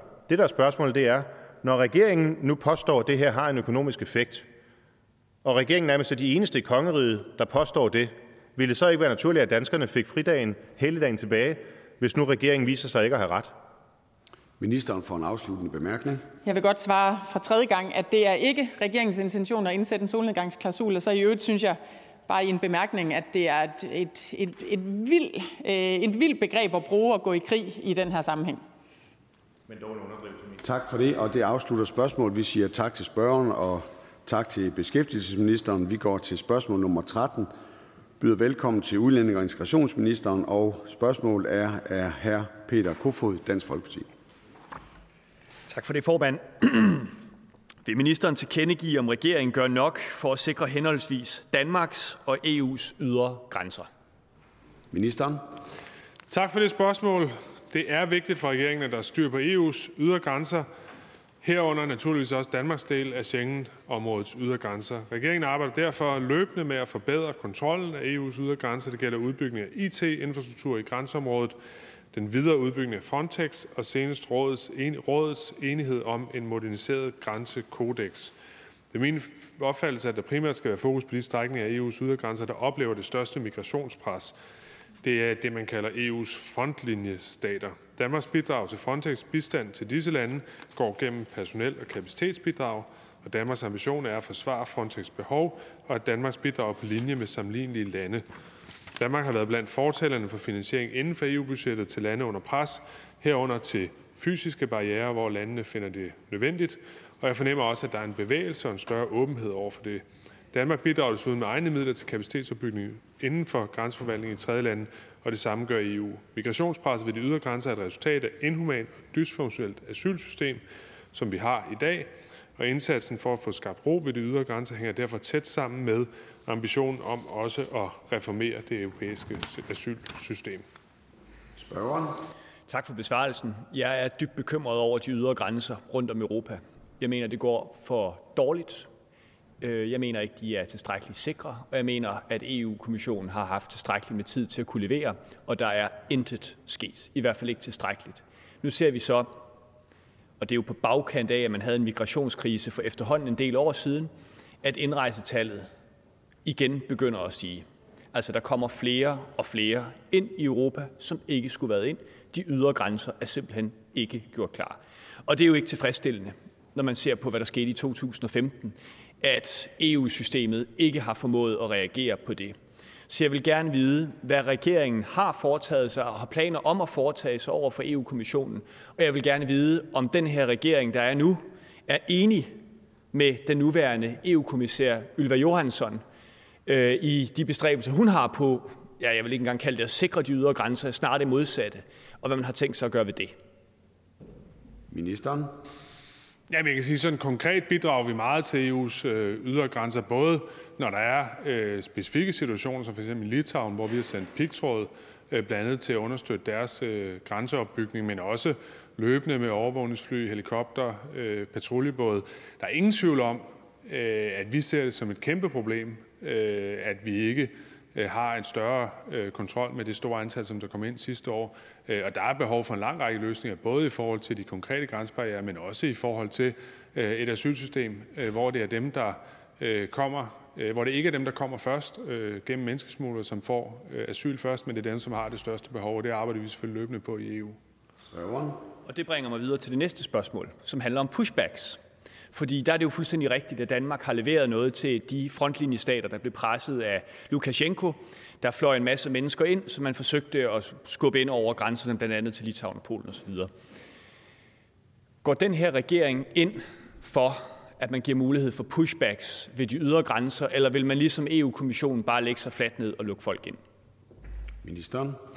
Nej, vi går ikke ind for øh, pushbacks. Det er i strid med de internationale konventioner. Danmark har tilsluttet sig blandt andet omkring det, man kalder non-refoulement, altså tilbagesendelse til nedværdigende behandling, og derfor så kan vi ikke støtte det, men vi støtter i vid udstrækning blandt andet den græske regerings kamp for at sikre øh, de ydre grænser. Jeg skal selv til Grækenland nu her øh, sidst på ugen øh, for blandt andet at diskutere, hvordan vi sikrer, at de har mulighed for at opretholde den grænsekontrol, som vi andre er afhængige af. Spørgeren for et afsluttende spørgsmål. Så skal jeg bare vide, om man ser det som et problem, når for eksempel en frontlinjestat som Polen skubber folk aktivt tilbage, bygger hegn op ad Hvide Rusland for at sikre, at Hvide Rusland ikke kan udnytte ikke kan udnytte, at man bare kan skubbe folk over grænsen og destabilisere Polen. Er det ifølge den danske regering et problem, den måde polakkerne har håndteret det her på? Ministeren for en afsluttende bemærkning. Ah, Jamen, spørgeren nævner to forskellige ting. Øh, det at lave pushback er ikke det samme som for eksempel at bygge et hegn. Altså, vi ville jo ikke selv have støttet opbygningen af et hegn ved at sende pigtråd, hvis vi mente, det var forkert at opbygge et hegn. Nu er det så tilfældigvis Litauen, men det kunne lige så godt have været Polen. Øh, men det at opbygge en effektiv grænsekontrol, sikrer, øh, at der er kontrol med, hvem der kommer ind over grænsen, det støtter vi fuldt ud i europæisk sammenhæng. Det kan jeg love spørgeren for. Og det afslutter spørgsmålet, men Spørgsmål nummer 14 er også til udlænding- og integrationsministeren, og det er ligeledes hr. Peter Kofod, Dansk Folkeparti. Værsgo. Tak for det, formand. Vil ministeren tilkendegive, om regeringen i lyset af det store asylpres i Europa og det hollandske parlaments ønske vil genoptage og intensivere bestræbelserne på at oprette et dansk asylcenter i Rwanda? Ministeren.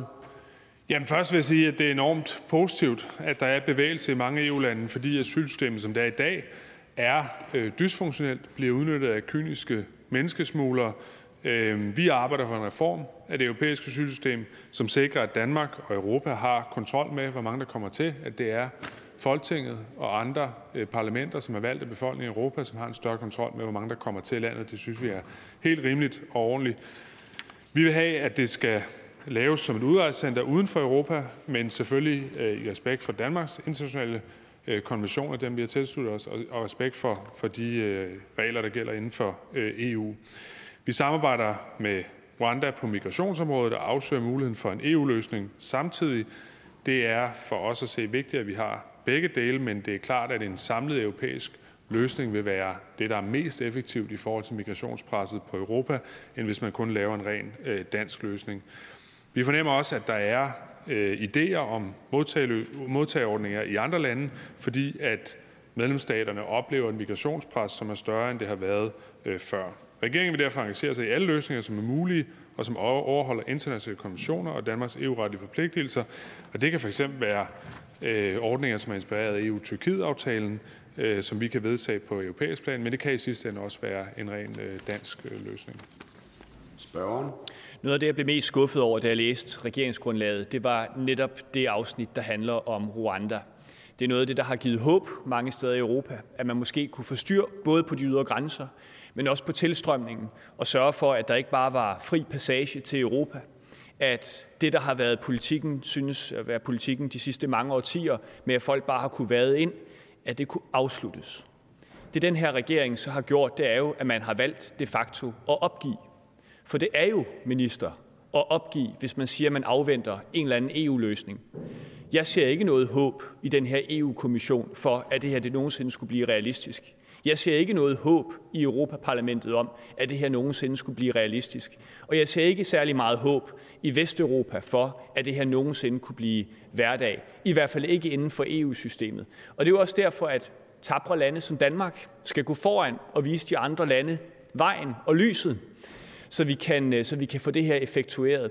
Og derfor må jeg sige, at jeg synes, det er enormt skuffende, at, øh, at man giver, giver køb på det her, man giver afkald på det. Så jeg vil bare gerne spørge ministeren, hvor ser regeringen håbet?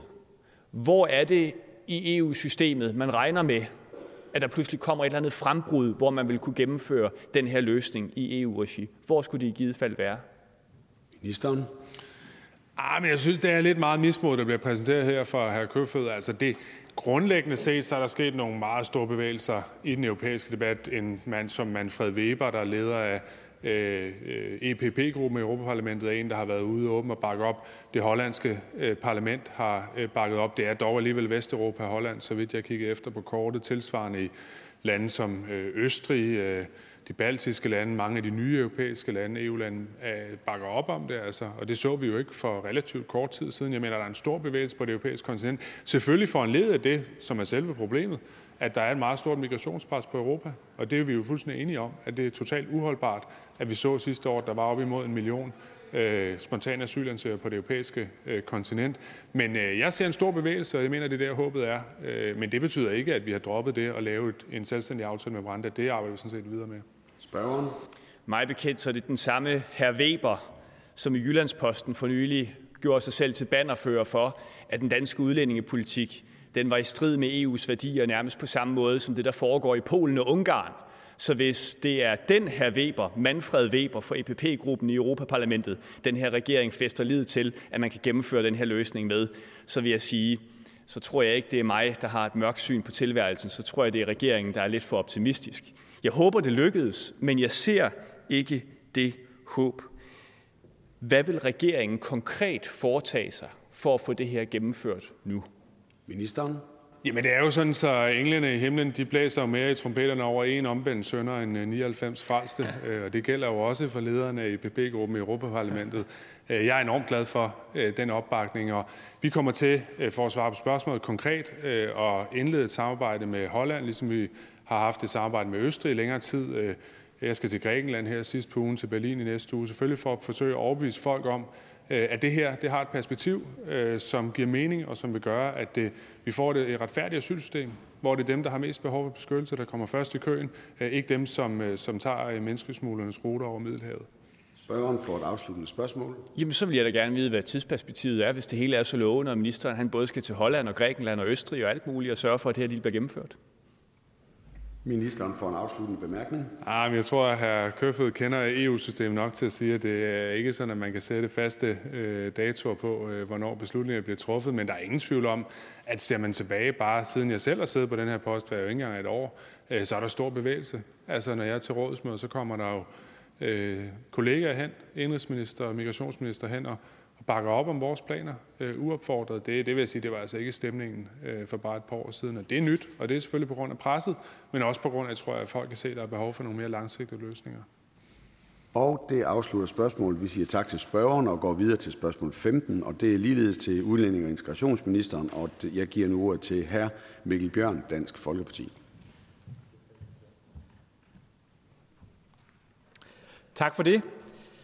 Jeg kunne godt tænke mig at høre, om øh, ministeren øh, ikke vil oplyse, hvorfor regeringen ønsker at forblive en del af statsborgerretskonventionen, når ligesindede lande som blandt andet Belgien, England, Frankrig har oplyst, at de ikke ønsker at tiltræde konventionen, blandt andet fordi den sætter meget snævre rammer for fratagelse af statsborgerskab. Ministeren. Tak for spørgsmålet. Jeg vil indledningsvis slå fast, at regeringen vil arbejde for at styrke det regelbaserede internationale samfund og derfor også fastholde Danmarks medlemskab af internationale konventioner. Det gælder også statsborgerretskonventionen. Konventionerne er det bedste grundlag, vi ser for at skabe en verdensorden, hvor hver enkelt individ og også mindre lande har rettigheder. Som lille land har Danmark derfor også en selvstændig national interesse i det regelbaserede internationale samfund.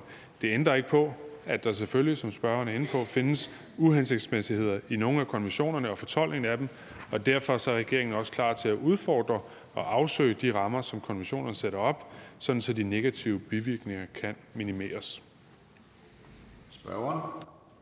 Jamen, når ministeren siger, at man gerne vil styrke det regelbaserede internationale samfund, så siger man jo dermed også implicit, at man gerne vil styrke de regler, som blandt andet gør, at øh, en voldtægtsforbryder, der for nylig blev dømt over Københavns Byret øh, med 11 tidligere domme bag sig, blandt andet for meget grove voldtægter mod øh, flere unge danske piger, grove overfaldsvoldtægter og røveriforsøg mod blandt andet en 81-årig kvinde, at øh, de regler, der sikrer, at en sådan mand ikke kan blive frataget sit statsborgerskab og derfor senere udvist, at øh, de regler dem skal i virkeligheden styrke, så der er bedre rammer, der forhindrer, at sådanne mennesker de kan blive udvist. Ministeren. Nej, det er helt misforstået fra hr. Sørensens side. Øhm, vi ønsker en international orden, hvor små lande også har noget at sige. Danmark er jo et lille land og har været det næsten hele sin historie. Og det, der har været gældende for dansk øh, forhold til omverdenen, har jo været, at vi tit har måttet underlægge os større magters forskellige interesser. Nu er vi i en situation, og har været det de sidste 80 år, for første gang i vores historie, hvor vi rent faktisk har en selvstændig rolle og en beskyttelse, der gør, at vi kan optræde mere selvstændigt. Og det synes jeg, der er grund til at hylde, uagtet at der er en masse ting i blandt andet statsborgerretskonventionen, som gør, at vi ikke kan smide folk ud, som, som, øh, som retligt burde øh, have været smidt ud, hvis vi selv kunne bestemme. Men sådan er det. Der er begrænsninger. Spørgeren? Jamen, det er da meget øh, sympatisk, at regeringen øh, har en hvad skal man sige, langsigtet ambition om at ændre konventionerne indenfra. Det er regeringen jo ikke de første, der har haft. Og derfor så er jeg lidt nysgerrig på, jamen, hvad, hvor er hensynet, og hvad, hvad har man tænkt sig at sige til de ofre, der i mellemtiden, mens vi venter på en meget langsigtet og formentlig usandsynlig ændring af konventionerne indenfra, øh, som i mellemtiden bliver udsat for meget grove overfaldsvoldtægter, kriminalitet, øh, røveriforsøg og alt muligt andet. Hvad er budskabet til de mennesker øh, i mellemtiden, mens de venter på regeringens meget langsigtede og, øh, og lidt øh, tågede ambitioner? Over Københavns Byret, der står for almen sikkerheden, og jeg er lidt nysgerrig på, hvor er hensynet egentlig til almen sikkerheden i sin prioritering af de her internationale konventioner og det internationale regelbaserede samfund? Ministeren. Jamen, jeg synes, det er meget øh, bemærkelsesværdigt at høre en, en medlem af Dansk Folkeparti sige, at det, at Danmark som nationalstat har stor handlekraft og kan hvile i sin selvstændighed som nationalstat, som vi kan, fordi vi er en del af et internationalt øh, samfund, som respekterer os, at det skulle være toget eller ligegyldigt, det, det synes jeg ikke er den dialekt, vi plejer at høre fra Dansk Folkeparti's folketingsmedlemmer. Der er uden tvivl problemer i forhold til folk, som har fået statsborgerskab, som opfører sig øh, på en måde, som vi øh, under ingen omstændighed accepterer i Danmark, og som burde have været smidt ud. Det er øh, nogle ting, som vi bærer med os. Vi har blandt andet i forhold til fremmedkrigere givet mulighed for at fratage deres statsborgerskab. Øh, og det er klart, øh, det er da også en vej, vi vil, vi vil afsøge i andre sammenhænge. Spørger for et afsluttende spørgsmål. Jamen, nu nævnte jeg i mit øh, spørgsmål også til justitsministeren, at øh, i november 2022, der blev en 42-årig mand idømt 3,5 års fængsel for voldtægt af en blot 9-årig pige. De regler, der gør, at vi ikke kan fratage sådan en mand statsborgerskabet og udvise ham, det er jo de regler, som regeringen her står og forsvarer. Og øh, ja, altså, jeg må indrømme, at jeg er øh, dybt forundret over, at øh, en regering, der altså hævder at have, hvad skal man sige, være på offernes side i de her sager, at de ikke har en større fornemmelse for, at vi er nødt til at tage et opgør med de her kommissioner, hvis vi rent faktisk vil kunne forsvare offerne. Ministeren får en afsluttende bemærkning. Jeg tror, at man må øh, trods alt tilføje, at øh, hr. Sørensens eget parti har jo bakket op om regeringer, der har stået på præcis samme synspunkt. Så det er jo ikke, fordi det er helt nyt eller anderledes, end hvad Danmark har, øh, har ført af politik. Den eneste måde, vi kan sikre, at de ting ikke sker i fremtiden, det er jo det, som vi har en fælles ambition, som tror jeg bredt set i Folketinget, om at sikre, at det at få et dansk statsborgerskab selvfølgelig skal underlægges øh, en relativ øh, stram efterprøvning, øh, hvor man sørger for at sikre, at det ikke er hvem som helst, der kan trække et statsborgerskab, fordi man har boet lang tid nok i landet, men vi også ved, at det er nogle ordentlige folk, som får tildelt dansk indfødsret. Og det afslutter spørgsmålet, og vi siger tak til hr. Mikkel Bjørn fra Dansk Folkeparti, siger tak til udlænding og integrationsministeren, byder velkommen til transportministeren, går videre til spørgsmål 16, og jeg giver nu ordet til hr. Kenneth Fredslund Petersen fra Danmarksdemokraterne. Tak, formand. Hvad er ministerens holdning til, at staten yder økonomisk støtte til Midtjyllands Lufthavn, som ifølge bestyrelsesformand Ulrik Vilbæk er betingelserne for, at en ny operatør vil påtage sig ruteflyvninger igen efter påske? Ministeren.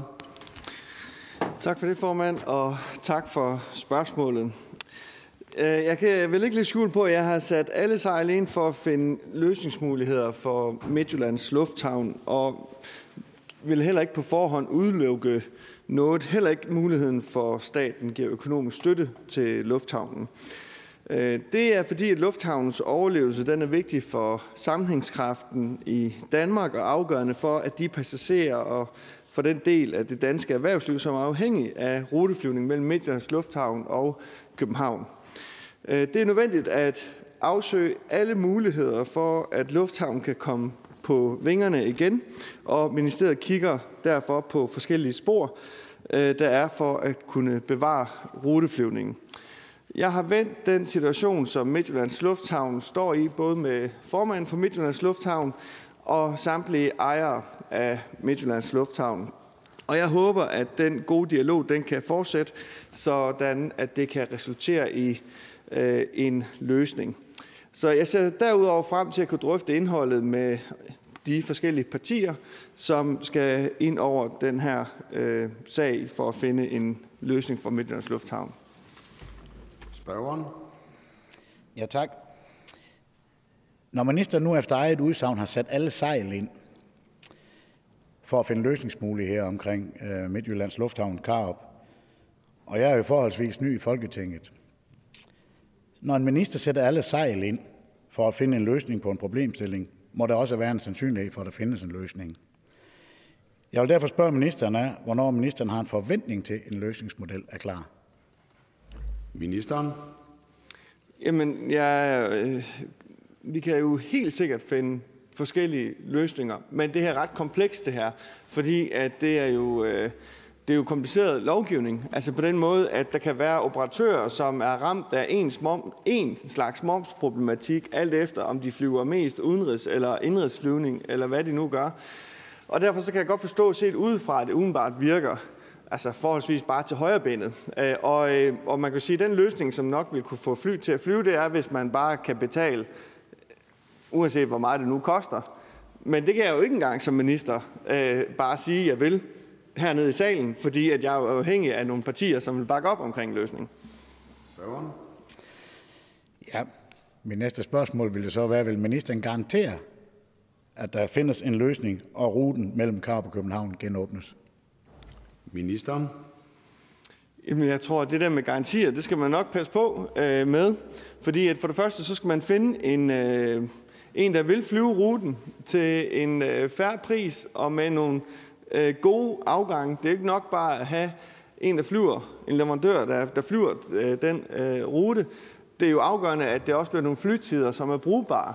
Fordi at det giver jo ikke mening at have fly til at flyve, hvis de bare flyver tomme. Så, øh, så der er mange ting, som skal gå hånd i hånd, men jeg er ikke i tvivl om, eller jo, det er jo sådan, det jeg lige har sagt, men jeg håber i hvert fald, at, at med, vi på tværs af folketingspartier kan finde en, øh, en fælles og langsigtet løsning for Midtjyllands Lufthavn. Tak for det, jeg, giver, jeg byder velkommen til medspørger fru Bettina Kasper fra Danmarksdemokraterne. Værsgo. Tak for det. Øh, nu er det midtjyske erhvervsliv, de har jo stemt sammen og garanteret køb af et vist antal billetter øh, til flyvning fra Midtjyllands Lufthavn. Det vidner jo om, at øh, der er behov for den her lufthavn. Og det vidner også om, at erhvervslivet har ligesom leveret deres øh, del af det her projekt, for at det kommer op og lykkes. Og nu venter vi så på, at staten kommer med deres, øh, deres løsning. Så jeg vil spørge ministeren, hvad vil det kræve af støtte fra staten, for at der kan indgås en aftale med en ny operatør på øh, ruten mellem Karup og København? Ministeren.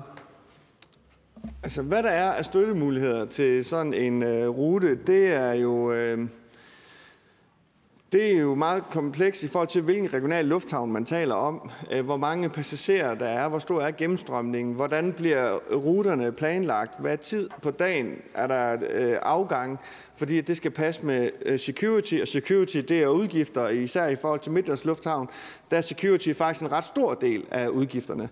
Øh, så, så, så det er nok lidt svært at sige, bare lige sådan, hvad vil det kræve, øh, hvis man skal dække et underskud for Karup Lufthavn i statslig støtte. Men jeg kan bare sige, at det er ikke sådan, der er ligefrem en rød tråd i, hvordan man giver statsstøtte til regionale lufthavne i Danmark. Og det er jo også noget af det, som øh, derfor er med i mine overvejelser, når jeg sidder og kigger på, hvad kan der være af muligheder. Og det er jo fordi, at man af historiske årsager har lavet mange forskellige modeller rundt omkring i landet. Medspørgeren. Tak for det, og tak for svaret. Øh, jeg har også godt hørt fra min lokale borgmester omkring den her problematik omkring øh, moms på udenrigs og indrigs. Øh, men jeg tænker bare, at når jeg ved, hvordan tingene bliver behandlet herover, så er det en langvarig proces. Jeg tror, vi alle sammen er enige om, at den her lufthavn den skal op og køre inden 1. april. Og det er rigtigt, at det med afgangene det er super vigtigt for, at folk også kommer til at bruge den. Vi er også bare nødt til at kigge på, at der er ingen afgange fra Billund til København. Det vil sige, at der er rigtig langt fra Sønderborg til Aalborg til Aarhus, når man er i, i Midtjylland. Og kritisk infrastruktur, det er altså også, øh, det kan vi godt kalde det over i vores del, hvor vi kommer fra, Thomas. Nej, det må jeg ikke sige. ministeren kommer fra. Øh, så, så jeg vil bare rigtig gerne have ministeren til at ja, nikke til, at, at vi får den her op at stå, og det bliver inden 1. april. Ministeren. Jamen, jeg har sat alle sejl til øh, for at finde en løsning, og det er også derfor, at jeg mellem jul og nytår øh, hæv øh, flere dage ud til at komme rundt og tale med alle ejere af Midtjyllands Lufthavn, øh, inklusiv formanden, inklusiv øh, øh, borgmesteren, som ordføreren henviser til, fordi jeg er så optaget af det. Og det er så også rigtigt, som ordføreren siger, at der er nogle momsproblematikker, som jo er noget, vi kigger på på lang sigt. Men bare fordi det eventuelt ikke er en løsning for kort sigt, så er det måske hensigtsmæssigt alligevel, at vi også kigger på, hvad kan der være af, af, af sten i skoen på lang sigt, som vi så kan fjerne. Så, så jeg kigger på alle mulige håndtag øh, og har kun en ambition om, at der fortsat skal let og lande fly, øh, også fra Midtjyllands Lufthavn. Og vi siger tak til medspørgeren og går tilbage til hovedspørgeren, hr. Kenneth Fredslund Petersen, for et afsluttende spørgsmål. Værsgo. Tak. Jeg vil afsluttende nævne, at øh, det for Danmarks Demokraterne er afgørende betydning, at vores land hænger sammen. At vi sikrer en god infrastruktur i hele landet, og vi derfor spørger ministeren, om ikke ministeren er bekymret for, at Midtjylland hægtes af eller stilles væsentligt ringere end resten af Danmark. Ministeren får en afsluttende bemærkning. Altså, jeg har en ambition om, at der fortsat skal let eller andet fly fra Midtjyllands Lufthavn, som sagt. Fordi jeg finder den vigtig for et bestemt segment, særligt erhvervslivet, som skal kunne have base i Vestjylland øh, og Midtjylland, øh, og samtidig passe forretninger i hovedstaden. Derfor er den del af vores kollektiv trafik vigtig. Men derudover så er, står det også i regeringsgrundlaget, at vi agter at binde Danmark bedre sammen, både Øh, på tværs af landet og ude regionalt. Og derfor så er der mange andre former for kollektiv trafik, som jeg også har et, et skarpt øje på, sådan at uanset hvor man bor, så er det i fremtiden nemmere at kunne befordre sig til arbejde, til uddannelse osv. osv. Så der kommer et helheds øh, tjek på det hele. Vi kommer til at ryste posen for at gøre den kollektive trafik bedre. Øh, og Midtjyllands Lufthavn er en del af den omgang. Og det afslutter spørgsmålet, og vi siger tak til transportministeren og byder velkommen til ministeren for ligestilling og går videre til spørgsmål nummer 17 og giver hermed ord til fru Rosa Lund fra Enhedslisten.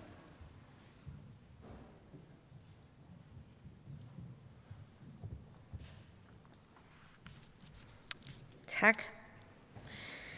Hvordan vil ministeren forsvare, at ambulant behandling til voldsudsatte skal finansieres gennem SSA-reserven? Ifølge ministeren selv, fordi, citat, SSA-reserven er tiltænkt nye initiativer, hvor man ser, om ting virker, citat slut. Når sådanne initiativer netop allerede er blevet afprøvet og evalueret gennem flere år, for eksempel rådgivningstilbuddet Sig det til nogen. Ministeren. Tak for spørgsmålet. Krisecenter er en vigtig del af indsatsen mod partnervold. Men det er kun en lille gruppe af de voldsudsatte, der tager ophold på krisecenter. Jeg mener, det er vigtigt, at der er flere typer tilbud, og at der sættes ind, før et ophold på krisecenter bliver nødvendigt. Der er allerede i dag permanent bevilling på finansloven til ambulante tilbud til voldsudsatte, blandt andet til Danners ambulante tilbud, sig det til nogen. Jeg er optaget af, at vi får styrket ambulante tilbud yderligere, også fordi vi med en ny handlingsplan mod partnervold og partnerdrab forhåbentlig får opsporet flere voldsudsatte, som vil få brug for hjælp og behandling. Derfor foreslår regeringen, at der som en del af aftalen om udmyndningen af SSA-reserven afsættes midler til en ansøgningspulje, så flere voldsudsatte kan få hjælp igennem ambulante tilbud i, flere, i perioden 2023 til 2026. Der findes i dag en række forskellige ambulante tilbud. Ved at udbyde en ansøgningspulje for alle de relevante specialiserede aktører, der har eksisterende indsatser til målgruppen, mulighed for at søge midler til puljen. Det synes jeg umiddelbart er det mest rigtige at gøre. Det følger af principperne for udmyndningen af reserven til foranstaltninger på social- og sundheds- og arbejdsmarkedsområdet, SSA-reserven, at reserven som udgangspunkt anvendes til midlertidige forsøgs- og udviklingsprojekter. Det følger samtidig også af principperne, at reserven anvendes til at understøtte et velfungerende civilsamfund. Derudover kan aftalekredsen beslutte, at et eller flere principper fraviges i prioriteringen af konkrete tiltag. Forhandlingerne om udmyndningen af SSA-reserven er i gang. Jeg håber, at partierne vil støtte forslaget om at styrke ambulante tilbud til voldsudsatte og de øvrige forslag til initiativer i en ny handlingsplan mod partnervold og partnerdrab. Spørgeren. Tak for svaret, som jeg ikke rigtig synes øh, svarer på mit spørgsmål. Fordi det, som ministeren jo selv siger, det er, at SSA-reserven skal gå til nye initiativer. Men det, som man har lagt op til i SSA-reserven, det er jo, at de allerede eksisterende initiativer ikke får lov til at fortsætte, fordi man laver en pulje, som de så skal søge igen. Vi står altså i en situation, hvor vi ikke har brug for, at voldsudsatte behandling er i fare. Den behandling, der findes allerede i dag, er evalueret. Den er meget succesfuld. Så har ministeren ikke oversolgt det her en lille smule ved at kalde det for nye initiativer, når det, man faktisk har gjort, er at bringe den eksisterende behandling i fare? Ministeren. Det er jo sådan, at der i dag allerede er permanent bevilling. Med finansloven for 2022, øh, 2020 ja, der afsatte man sådan set 8 millioner kroner til møderhjælpens øh, initiativ øh, ud af voldens skygge. Og der blev også afsat 3,2 millioner kroner årligt til Danners tilbud Sig det til nogen. Så der er permanent finansiering øh, til tilbud. Så er det rigtigt, at der også blev afsat en øh, ansøgningspulje til udbredelse af de her tilbud. Blandt andet til Danners tilbud Sig det til nogen, men også projekt Q-værk. Nu foreslår vi så en ny pulje, og det gør vi, fordi vi gerne vil styrke de eksisterende tilbud. Vi vil gerne have, at de fortsætter, men vi vil sådan set også gerne have, at de bliver udbredt. Rosa Lund. Hvis man gerne vil styrke det eksisterende tilbud, hvorfor laver man så en pulje, hvor de eksisterende tilbud skal søge en gang til? Altså det, jeg ikke forstår, det er, hvorfor man vil øh, hvad kan man sige, spille hasard med den rigtig gode behandling, der findes i forvejen. Ekspertisen er derude. De er i gang. Øh, voldsudsatte kender til de allerede eksisterende tilbud. Og jeg synes ikke, vi står i en situation, hvor vi ja, kan spille hasard med den her handling, øh, behandling. Og det er vidderligt det, jeg mener, regeringen gør med det her øh, puljecirkus. Ministeren. Jeg synes, det er vigtigt igen at nævne, at der er allerede i dag permanent finansiering til ambulante tilbud. Og det er rigtigt, så foreslår vi en pulje, men vi foreslår netop en pulje for faktisk at få udbredt nogle af de her tilbud her. Puljen går til eksisterende specialiserede aktører. Jeg synes umiddelbart, det er mest rimeligt, at alle specialiserede aktører får mulighed for at ansøge på lige vilkår, når man ønsker at udbrede tilbuden. Det er en ret stor pulje, vi har sat af, og det er netop for, at flere kvinder skal have mulighed for at søge de her puljer. Det synes vi umiddelbart er det mest rimelige at gøre det på den måde. Rosa Lund. Så kan jeg jo høre, at vi har forskellige opfattelser af, hvad der er en ret stor pulje, for at citere ministeren. Man har jo foreslået 16 millioner sat af over et år. Det er jo en enorm usikker økonomi for dem, der skal forestå og varetage den her behandling. Og det er derfor, vi i enhedslisten sådan set gerne vil have, at det bliver permanent, eller som minimum, at man i SSA-reserven giver pengene til de organisationer og de tilbud, som allerede er i gang, netop for at sikre, at den bliver på de meget kompetente hænder, den er på i dag. Ministeren. Vi er selvfølgelig åbne over for at drøfte andre forslag med partierne i de eksisterende forhandlinger, der er lige nu på SSA-reserven. Men som sagt, så synes jeg, det er det mest rimeligt, at alle aktører får mulighed for at søge, når man nu udbyder så stor en pulje, som faktisk gør det muligt at udbrede de her tilbud, så flere kvinder kan komme på ambulante tilbud. Og så synes jeg også, det er vigtigt at sige, at der har været handlingsplaner mod partnervold siden 2002, som i høj grad som udgangspunkt har været finansieret via satspuljerne, det der hedder SSA i dag. Dermed er det også meget naturligt, at man tager initiativ initiativerne over SSA. Og så vil jeg gerne sige tak til fru Rosa Lund og til ligestillingsministeren. Der er ikke flere spørgsmål til ligestillingsministeren i denne omgang. Det næste punkt på dagsordenen er punkt 18, og det er til klima- og energi- og forsyningsministeren af fru Signe Munk, og det er også det sidste spørgsmål i salen i dag, paragraf 20 spørgsmål, og der er en medspørger, det er her Karl Valentin fra SF. Værsgo, fru Signe Munk. Tak, formand. Spørgsmålet lyder, har ministeren i sinde at opsætte et politisk vedtaget mål for Danmarks globale forbrugsbaserede udledninger? Og i så fald, hvor højt et mål forventer ministeren at sætte? Ministeren.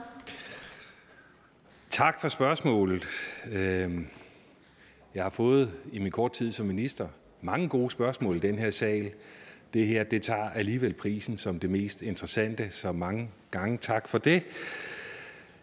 Spørgsmålet berører jo det skift, vi er på vej ind i, i takt med, at vi realiserer de nationale målsætninger om nedsættelse af vores drivhusgasudledninger, som jo øh, heldigvis er på vej ned og med det nye regeringsgrundlag øh, vil komme til at falde yderligere i fremtiden. Og samtidig så ved vi jo alle sammen godt, at vores globale forbrugsbaserede aftryk at det stiger. Så det her principielle skift, vi nu bevæger os ind i en tid, hvor vi skal begynde at supplere den nationale indsats med et globalt udsyn, det er det er et hammervigtigt tema. Øh, det er også øh, teknisk kompliceret, og det er så kompliceret et tema, så nu har jeg næsten allerede brugt al min taletid, inden jeg har læst talepapiret op. Jeg prøver lige at komme tilbage til det, men det er et hammervigtigt emne, som den her øh, måde at diskutere på ikke rigtig øh, giver rammer for den alvor og dybde, der er det. Men mange tak for det spørgsmål. Vi er en del af en global økonomi. Vi øh, eksporterer grønne løsninger, men vi importerer også varer, så vi efterlader ja et klimaaftryk i verden øh, på den måde, vi lever på i Danmark. Det er indiskutabelt, og det klimaaftryk er højere end det, som kommer øh, og damper op fra dansk territorium. Derfor er det vigtigt, at vi har globalt udsyn, når vi fører klimapolitik. Det gør vi via globalt energisamarbejde, eksport om grøn teknologi og også via eksport af grøn energi. Regeringen vil derfor både opstille et mål for den danske klimaeffekt af dansk eksport, og vi vil undersøge konsekvenserne ved at sætte et mål for klimaaftrykket af dansk forbrug. Når det er sagt, så er det sådan, at det, ikke nogen, det er lettere at sige, end det er at gøre. At sætte et mål kræver jo, at man kan måle det, og at det, man måler, øh, også er det, man tror, man måler. Øh, for eksempel er det sådan i dag, at når vi måler import af øh, fødevarer, så er det vanskeligt at skelne imellem de forskellige typer af fødevarer, når forbrugsaftrykket det gøres op. Så der, og så vil jeg gerne give ordet til Rosine Munk. Værsgo. Tak fordi, at ministeren oplever, at jeg deler forståelsen af, at det er vigtigt, at øh, dansk klimapolitik ikke bare kigger ned til grænsen ved Kroså, eller øh, så snart øh, toget kører fra København til Malmø. At vi ser på, hvad det er for et klimaaftryk, danskerne sætter i den måde, de lever på. Det er jo sådan, at øh, både øh, Concito og jo faktisk også Klimaministeriet har beskæftiget sig med at regne på, hvad det samlede forbrugsbaserede aftryk er for danskerne. Der er lidt diskussion om, hvor meget er det egentlig, men vi arbejder altså i den højere klasse af CO2-tons. Et sted imellem 11 til 17 tons om året af CO2 er, hvad det bedste bud lige nu er på udledninger fra øh, danskernes klimaaftryk i forhold til øh, deres forbrug og deres levevis. Og det skal jo ses i forhold til, at det klare budskab fra FN er, at øh, hvis vi skal have en klode i balance, så skal hver verdens borger på vores klode ligge på et årligt øh, klimaaftryk på omkring 2-3 tons. Så man skal jo ikke have haft matematik øh, længe for at kunne regne ud, at der er et stykke imellem, hvor virkeligheden er i dag, og hvad kloden gør holde til. Og jeg anerkender faktisk, at det kan være svært at opgøre det her klimafodaftryk. Men putter man det til side, så kunne man jo godt alligevel opsætte et vejledende mål i forhold til at reducere klimafodaftrykket, som satte en retning. Så vil ministeren være villig til at sige, jo, vi sætter et vejledende mål, som sætter en retning for, at vi skal have nedbragt CO2-fodaftrykket øh, fra, de dan- fra danskernes forbrug? Ministeren? Ja, øh, før man kan sætte et mål, så er det jo ret vigtigt, at man ved, at det, man måler og sætter mål i forhold til, også har noget at gøre med det, man gerne vil. Så jeg er ikke tilhænger af at lave mål, der bare lyder godt. Det skal også være det rigtige, som vi måler. Øh, jeg mener, at den her diskussion den bor i øh, den kommende evaluering af klimaloven, øh, fordi det her handler i høj grad om at styrke den globale søjle i klimaloven. Og, øh, og jeg synes, emnet er så vigtigt, så det fortjener en mere dyb faglig behandling, øh, før at man skrider til simple konklusioner, såsom at fastsætte et politisk mål, som man i øvrigt ikke rigtig ved, hvad omhandler, og i øvrigt uden at diskutere, hvad det så er for nogle virkemidler, der skal tages i anvendelse for at opfylde målet. Det er jeg ikke særlig vild med. Men hele temaet ser jeg for mig skal være en del af den evaluering af klimaloven, som skal gennemføres i efteråret. Man skal bare heller ikke have været mange år i politik, øh, vil min budskab være til klimaministeren, for at vide, at man kan gemme meget politisk handling bag ved tekniske argumenter. Fordi politik er svært. Klimapolitik er svært. Man kan altid sige, at der er tal, der ikke er præcist nok. Men hvis det er et skalkeskjul for ikke at ville handle, eller handle, så er det i min bedste overbevisning øh, et problem.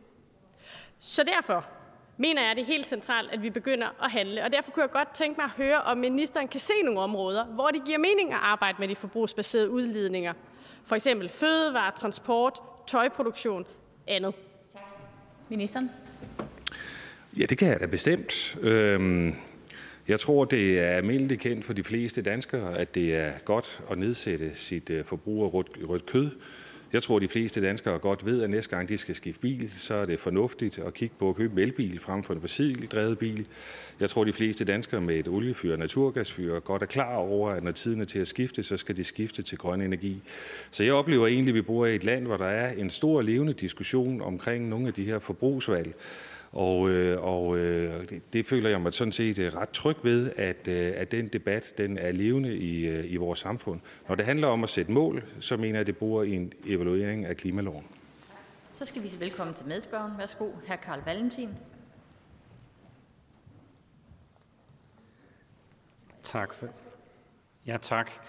I, øh, I regeringsgrundlaget der har man jo en formulering omkring det her, som klimaministeren også øh, nævnte tidligere. Jeg læser den lige op. Der står, at regeringen vil undersøge konsekvenserne af at opsætte et mål for CO2-e-aftrykket for det danske forbrug. Citat slut. Jeg er lidt... det gør ikke noget. Jeg holder bare nogle lange kunstpauser en gang imellem. Øhm, jeg er lidt nysgerrig på, hvorfor at man har lavet den her formulering, og ikke bare sagt klart, at man vil opsætte et mål for de forbrugsbaserede udledninger. Altså, hvad er det for nogle konsekvenser, man vil undersøge? Og kan der være nogle konsekvenser ved at opsætte et mål for de forbrugsbaserede udledninger, som gør, at man ikke ønsker at opsætte det? Altså fordi konsekvenserne er at lade være med at opsætte et mål, og lade være med at gøre noget ved det voldsomme øh, forbrug, som vi har i Danmark, og den store påvirkning, det har på klimaet. Det er jo ret store. Så er der nogle af de konsekvenser, som der måske kan være ved at opsætte et mål, som vil gøre, at ministeren ikke ønsker at opsætte et mål alligevel? Ministeren, værsgo. Så det er virkelig et mundret spørgsmål, fordi omvendt kunne jeg også så spørge, om spørgeren synes, det er fornuftigt at opsætte mål, uden at kende målets konsekvenser. Altså, det er jo en måde at føre klimapolitik på i det her land, som jeg ikke abonnerer så meget på. Jeg vil gerne have, at mål og konsekvenser følges ad. Og om kan jeg få øje på en negativ konsekvens? Ja, det kan jeg godt. Øhm, en af måderne at reducere CO2-aftrykket fra transportsektoren, det er at gøre det meget, meget dyrt at køre i bil. Det vil ramme lavindkomstgrupperne hårdt. Jeg kan også godt forestille mig afgifter på særlige forbrugsgoder, som vil ramme øh, socialt meget skævt. Det er bare en, øh, øh, et eksempel på negative konsekvenser. Jeg kan også godt forestille mig, at hvis ikke man er meget præcis med måden, man definerer sine mål på omkring det globale forbrugsbaserede aftryk, at så kan vi komme til at forfølge et tal, men gøre det på en måde, der ikke sænker de globale emissioner reelt. Så der er masser af udfordringer gennem ned af det her. Derfor så synes jeg, det er ret klogt, at man vil undersøge øh, konsekvenserne, og man vil have en idé om, hvad det er for nogle midler, der skal føre til, at et mål opfyldes, før man bare beslutter et mål. Tak. Hr. Karl Valentin. Jeg svarer meget gerne på ministerens spørgsmål, fordi jeg ved godt, hvad konsekvenserne vil være ved at opsætte sådan et mål. Det vil være, at vi skal spise markant mindre kød. Det vil være, at vi skal transportere os mere i fællesskab. Det, kan være, det vil være, at vi skal gå mere i genbrugstøj. Det vil generelt være, at danskerne skal til at ændre vores vaner, og at vi politikere skal sætte nogle klare rammer for, at det er let at gøre. For eksempel så kan vi jo se, at udledningen fra en gennemsnitsdanskers kost alene er 3 tons CO2 om året. Det er lige så meget, som en gennemsnitsdansker må udlede af alt, hvad vi foretager os i 2050 ifølge klimamålet. Så øh, vil ministeren ikke tage nogle initiativer for, at vi ændrer vores kostvaner? Ministeren. Øh, hvad folk spiser, øh, det øh, må de i min optik øh, selv bestemme. Jeg tror, at vi lever i et land, hvor de fleste danskere er så oplyste, så de egentlig godt har en idé om, at når de fylder indkøbskurven, så skal de slappe lidt af med kødet. De skal fylde nogle mere, flere grøntsager i, at de skal passe på madspil og så videre. Så jeg tror egentlig, at danskerne langt hen ad vejen er med på det her. Men igen, for at realisere det politiske ønske, spørgeren har om at designe danskernes madkøb, så må der jo følge med, at spørgeren så også kan begynde at fortælle danskerne om, hvad det er for nogle politiske tiltag, man vil tage, medmindre det altså er sådan bare en informationskampagne, spørgeren spørger til. Så vil jeg gerne sige tak til hr. Karl Valentin, og så er det fru Signe Munk igen. Det går bare hurtigt. Værsgo, fru Signe Munk. Nå, det kan, det, det kan jeg jo hjælpe med at svare på så. Altså for eksempel så kan man jo sætte et mål for øh, klimaaftrykket i det offentlige køkkener. Det er sådan rigtig mange danskere, de vil faktisk gerne spise grønnere, men de har svært ved det. Det er simpelthen svaret, når Concito øh, spørger øh, danskerne. Og en af vejene til at hjælpe det på vej, det er jo, at vi i de offentlige køkkener skærer ned på kødet, viser, at der er en vej frem, hvor man får god og lækker mad, men hvor grøntsagerne fylder øh, lidt mere. Så en vej er jo at sætte et mål for, at de offentlige køkkener øh, skal skære ned på, på CO2-trykket for maden. Ministeren? Ja, men den idé, den vil jeg øh, tage med mig. Øh, jeg mødes jo jævnligt med KL's formand, og de fleste offentlige køkkener er kommunalt drevne institutioner, og derfor så vil jeg da spørge, om KL har nogle øh, synspunkter på den sag.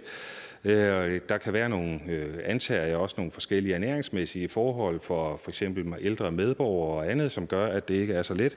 Men jeg vil da tage, øh, tage forslaget med og høre dem, som driver de offentlige køkkener, hvad de synes om den sag.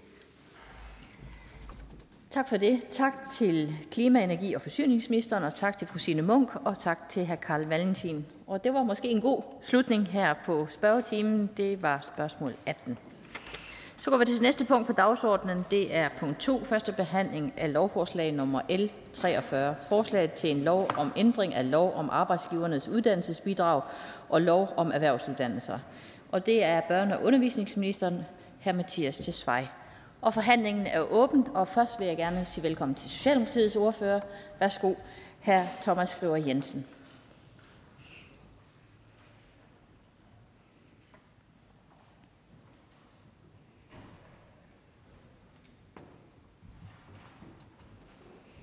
Værsgo, ordfører. Tak for ordet, formand. Der er de senere år indgået adskillige trepartsaftaler med arbejdsmarkedets parter, hvor vi har taget vigtige skridt i retning af et stærkere og mere retfærdigt arbejdsmarked. Deriblandt selvfølgelig den store sejr, det var, da vi blev enige om helt grundlæggende at flytte ansvaret for at finde læreplads fra elevernes skuldre til skolens. Nu er det skolens ansvar, og de bliver målt på, hvordan de løfter opgaven. Øh, samtidig har vi styrket øh, den understøttende indsats for lærepladser og bragt AUB's økonomi tilbage i balance igen. Det er vigtigt for vores samfund, at der i fællesskab løftes ansvar for at skabe bedre rammer på det danske arbejdsmarked. Det lovforslag, vi skal behandle her i dag, det er en genfremsættelse af hovedparten af efterårets L 29, som faldt bort på grund af folketingsvalget. To elementer udstår dog. Det gør de af lovtekniske grunde. Det gælder modelparametre i læreplads AUB for 2023 og afskaffelse af færdiggørelsestaxameteret på grundforløbet. Lovforslaget her udmyndter i stedet den længe ventede pensionsrefusion af lærlinger og elevers pension fra de fyldt 18 år, som blev aftalt helt tilbage i maj 2020. Samtidig foreslås det at sætte det fleksible AUB-bidrag en smule op for at finansiere den nye ordning med pensionsrefusion.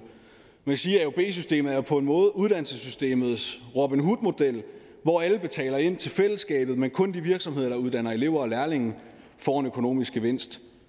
På den måde er de mere fodslæbende virksomheder i forhold til at tage lærlingen med til at betale regningen, når fremtidens faglærte de skal uddannes. Det synes vi er et sundt princip. Endelig øh, så foreslås det med lovforslaget her at videreføre det aktivitetsafhængige VEU-bidrag, der oprindeligt havde historisk ophæng i tidsbegrænsede trepartsaftaler. Dette for at sikre en balance mellem udgifter og indtægter over tid i VEU-systemet. Og for at følge, øh, også for at følge Rigsrevisionens anbefalinger på området. I lighed med tidligere år foreslås det således at fastsætte det aktivitetsafhængige VEU-bidrag for 2023. Det foreslås, at VEU-bidraget sættes ned for at korrigere for det store overskud, der var i 2021. I Socialdemokratiet ja, der er vi glade for, at den her aftale endelig igen fremsættes og forhåbentlig også gennemføres, så lærlingen ned til det fyldte 18 år også kan få fuld pension som en del af deres løn. Tidligere indbetaling til pension betyder flere penge mellem hænderne og dermed mere frihed i slutningen af arbejdslivet og i pensionstilværelsen. For Socialdemokratiet er flere faglærte en mærkesag, og bedre forhold på arbejdsmarkedet det ser vi som et vigtigt skridt øh, i den rigtige retning for den vision. Derfor bakker vi op om forslaget, og jeg skal sige fra Radikale Venstre, øh, hils og sige, at de bakker også op. Tak til Socialdemokratiets ordfører, hr. Thomas Skriver Jensen. Der er ikke nogen korte bemærkninger. Og så skal vi sige velkommen til Venstres ordfører. Værsgo, fru Anne Mathisen. Tak for det, formand. Tak for ordet. Helt overordnet så handler det her lovforslag, som vi behandler her i salen i dag, om at gøre erhvervsuddannelserne mere attraktive. De unge mennesker, der vælger en erhvervsuddannelse, er med til at bryde en skævvridning, og øh, det kan vi være stolte af. Det er noget af det, som betyder rigtig meget for os i Venstre, at vi gør en indsats for, nemlig at flere unge også vælger en erhvervsfaglig uddannelse. De sidste par år er der indgået flere trepartsaftaler med arbejdsmarkedets parter. Det samarbejde er vigtigt, og det glæder mig, at med dette lovforslag så kommer vi et skridt videre. Lovforslaget her vil styrke indsatsen for lærepladser til gavn for både eleven, virksomheden og erhvervsskolen. Lovforslaget er stort set enslydende med det lovforslag L 29, som vi øh, desværre ikke nåede at behandle i efteråret, da der blev udskrevet valg. Men samtidig så er det sådan, at forslaget her også indeholder en aftale om en pensionsrefusion til virksomhederne. Alt i alt så er lovforslaget, som vi behandler, med til at gøre det bedre og mere attraktivt at vælge en erhvervsuddannelse. Derfor støtter Venstre naturligvis også lovforslaget. Tak for ordet. Tak til fru Anne Mathisen fra Venstre. Der er ikke nogen korte bemærkninger. Og så er det Moderaternes ordførers tur. Det er hr. Rasmus Lund Nielsen. Værsgo. Mange tak. 5 minutter. Jeg kan se, der sidder mange unge mennesker på tilhørpladserne og overværer talen her. Så det er vigtigt at sige til jer, at øh, vi har brug for, at flere af jer tager en øh, erhvervsuddannelse og bliver faglærte. Og øh, med det her lovforslag, så er vi med til at gøre det mere attraktivt. Det er egentlig en genfremsættelse, som allerede nævnt, af et lovforslag, der ikke blev gennemført, da det blev øh, fremsat lige inden valget, og derfor ikke blev nået at blive gennemført, bortset fra to elementer, øh, som var et, øh, en afskaffelse af et færdiggørelsestaxameter og et forslag om fastsættelse af modelparametre for 2023. Men bortset fra det er det altså en genfremsættelse. Og med det her lovforslag, så fastsætter vi så AUB-bidraget og det aktivitetsafhængige VEV-bidrag. Og i tillæg hertil, og det er altså det, der gør det mere attraktivt at gå den her vej og blive faglært, der indfører vi altså med lovforslaget, at arbejdsgiver kan få refusion for udgifter til pensionsbidrag, når elever og lærlinge er på skoleophold. Og de her udgifter bliver så dækket af AUB-bidraget. Og det er det, der altså er trepartstof. Så Moderaterne støtter forslaget og har som høj prioritet, at vi fortsat får flere faglærte, da det er en forudsætning for at sikre fremtidens både velstand og velfærd, såvel som den grønne omstilling. Så tøv ikke mere at vælge en erhvervsuddannelse. Tak for ordet. Ja, nu er ordføreren gået, men der er heller ikke nogen korte bemærkninger. Men, øh, så vi vil gerne sige tak til Rasmus Lund Nielsen. Og så vil vi gerne sige velkommen til SF's ordfører. Værsgo, fru Astrid Karø. Tak for det. Generelt er det her jo en, et rigtig godt lovforslag, vi behandler i dag. Nogle rigtig fine trepartsaftaler, øh, man har fået igennem. Og øh, vi er også rigtig glade for, ligesom øh, mine tidligere kollegaer har nævnt, at AUB-bidraget nu også bliver omfattet, øh, og nu også omfatter refusion af pensionen. Og så er det også rigtig positivt, at øh, det udbetales med tilbagevirkende kraft fra 1. januar, så der ikke er nogen, der skal øh, hvad hedder det, der, skal, der skal holde for, at vi var lidt lang tid og få startet op igen efter valget. Og derfor bakker SF selvfølgelig op om det her forslag. Øhm, men jeg har også enkelte opspunkter, som også fremgår af høringssvarene, og det vil jeg lige øh, bruge et øjeblik på.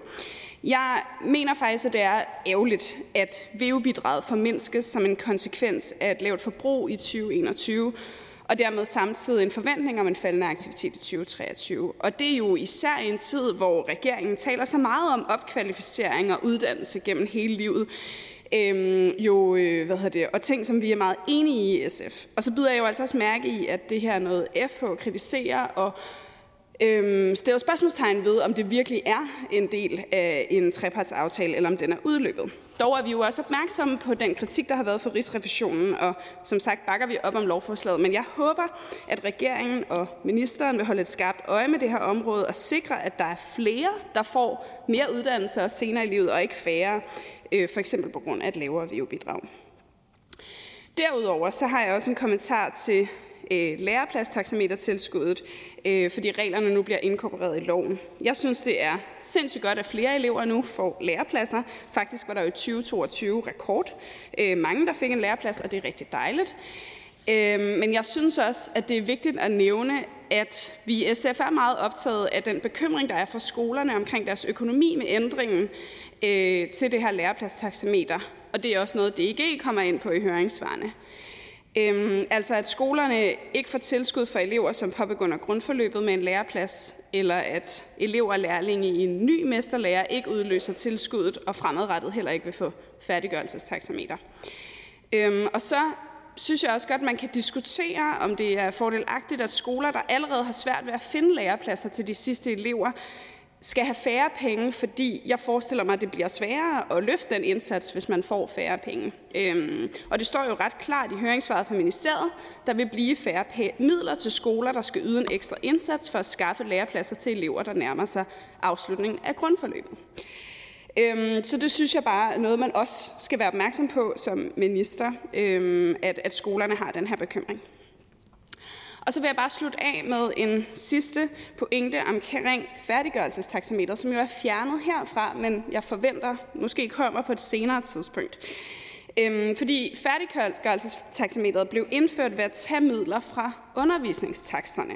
Og hvis man så fjerner færdiggørelsestaxameteret til et lærepladstilskud, som ikke er noget, alle skoler får, jamen så, så mener jeg, at det godt kunne se ud som om, at man flytter midler fra undervisningen til det lærepladsopsøgende arbejde. Og begge dele er jo mega vigtigt. Øhm, især når ambitionen jo er at styrke erhvervsuddannelser, og det er en ambition, som jeg virkelig, virkelig deler, så synes jeg, det er, er afgørende, at vi både styrker den lærepladsopsøgende arbejde og mulighederne for at lave rigtig god undervisning. Jeg ved, at det er noget, der ministeren går rigtig meget op i, men jeg håber, man vil have øje på det, også når vi skal behandle det andet senere. Øhm, og i implementeringen af den her lov, men jo også i det fremtidige arbejde om at styrke erhvervsuddannelserne, sådan, så vi ikke risikerer at tage noget fra et sted for at putte det over et andet sted ind i det samme system. Der skal flere penge til helt generelt. Det var mine øh, kommentarer, men som sagt så bakker vi op om lovforslaget, synes det er nogle rigtig fine trepartsaftaler, man har lavet, og så skulle jeg hilse fra Alternativet og sige, at det gør de også. Tak til SF's ordfører også for ordførertalen. Der er ingen korte bemærkninger. Man ved måske i det her, at der ikke er nogen korte bemærkninger, men man bedes bare lige stående, indtil man får at vide, om der er, så vi ikke skal kalde folk tilbage igen. Værsgo. Nu skal vi have fat i Danmarksdemokraternes ordfører. Det er fru Karina Adsbøl. Værsgo. Tak for det, formand. Ja, det bliver sådan lidt gentagelse af det, der er sagt, fordi forslaget her det er en delvis genfremsættelse af L29 fra sidste samling, og den udmønter elementer netop af trepartsaftaler og har først og fremmest til formål at fastsætte offentlige og private virksomheders fleksible uddannelsesbidrag til arbejdsgivernes uddannelsesbidrag, AUB. Det fastsættes hvert år ved lov efter det forventede udgiftsniveau for året sammen med en regulering for sammenhæng mellem udgifter og indtægter i det seneste regnskabsår. Formålet er, at udgifter og indtægter balancerer over tid, og samtidig fortsættes og videreføres voksen- og efteruddannelsesbidrag ved EU, som er målrettet deltager i erhvervsrettet voksen- og efteruddannelse. Staten, eller satsen, den fastsættes hvert år på baggrund af forventninger til aktiviteten i det kommende år. Og herudover foreslås det også, at AUB som noget nyt skal refundere arbejdsgivers udgifter til pensionsbidrag i skoleperioder for alle elever og lærlinge med en pensionsrefusionssats på op til 8 procent. Og som sagt, så er forslaget jo en del af et trepartsaftale, øh, og det støtter vi op om i Danmarksdemokraterne. Netop øh, det her, øh, det plejer man også at gøre i forhold til trepartsaftaler. Øh, og jeg kom sådan til at, at tænke på, øh, når jeg står og, og læser den her tale op, så kom jeg til at tænke på øh, DMI Skills, som jeg var til. Og der må jeg bare sige, det var helt fantastisk at opleve så mange unge mennesker øh, til DM Skills i Fredericia. Jeg tænker også, at, at flere øh, ordfører har været afsted. Øh, men det kan i hvert fald anbefales. Øh, så Danmarksdemokraterne bakker op, og jeg siger tak for ordet. Der er ikke nogen korte bemærkninger, men tak til fru Karina Adspil for ordførertalen. Og så skal vi sige velkommen til LA's ordfører. Værsgo, her Henrik Dahl. Tak for ordet. Vi vil gerne have, at der er flere unge, som tager en erhvervsuddannelse, og derfor mener vi, at øh, AUB-ordningen er en rigtig god ordning. Øh, hvis man har fulgt debatten om AUB, så ved man også, at der har været en debat om, at AUB ikke må blive til en opsparingsordning. Og vi synes, det her er øh, positivt. Her lader man øh, virksomhedernes øh, bidrag til AUB styre efter det forventede udgiftsniveau for året, og så regulerer man altså en sammenhæng med udgifter og indtægter i forhold til det seneste regnskabsår. Og det er med til at forebygge noget af det, der har været debat om tidligere, nemlig at virksomhederne kommer til at betale for meget, mens øh, AUB-systemet oparbejder en opsparing. Her får vi et system, der er tættere på at gå i nul, og det hilser vi velkommen. Det, der ligger i det konkrete forslag, det er, at man skal kunne modtage refusion fra AUB for pensionsudgifter til elever og lærlinge, øhm, til øh, elever på uddannelse, altså til erhvervsuddannelser og til uddannelser, der er sidestillet med erhvervsuddannelser. Og så er der øh, noget beløbsregulering, som også indgår i forslaget. Øh, det er noget, som vi øh, bakker op om, øh, og vi mener, at øh, den her udbetaling af refusion for arbejdsgivernes udgifter øh, til pension for elever og lærlinge, det ligger helt inden for den trepartsaftale, der blev, blev indgået i 2020. Så vi støtter forslaget og har tænkt os at stemme for det. Tak for ordet. Tak for ordførertalen til LA's ordfører. Der er ikke nogen korte bemærkninger. Og så vil jeg gerne sige velkommen til Konservativ Folkepartis ordfører. Værsgo, fru Lise Dahl.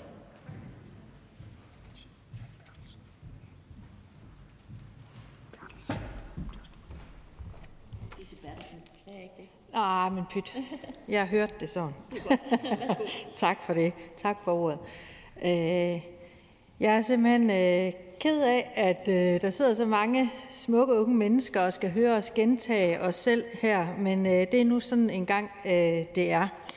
Øh, lovforslaget, har I hørt, er en genfremsættelse, og i Det Konservative Folkeparti der stemmer vi for lovforslaget, der medfører refusion af arbejdsgivernes udgift til pensionsbidrag samt en fastsættelse af det fleksible uddannelsesbidrag og en fastsættelse og videreførelse af det aktivitetsafhængige voksen- og efteruddannelsesbidrag som alt i alt kan være med til at bidrage til flere faglærte, som vi så stærkt har brug for. Tak for ordet. Tak til fru Lise Bertelsen. Selv Der er ikke nogen korte bemærkninger fra Konservativ Folkeparti. Og så skal vi sige velkommen til fru Mette Thiesen. Værsgo fra DF.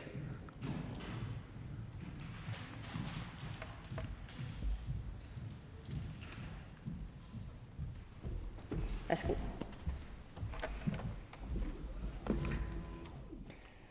Jeg vil starte med at sige, at de smukke unge mennesker, der sidder heroppe, at de skal da være glade for, at de ser et lovforslag, som jeg, der faktisk er ret bred enighed om.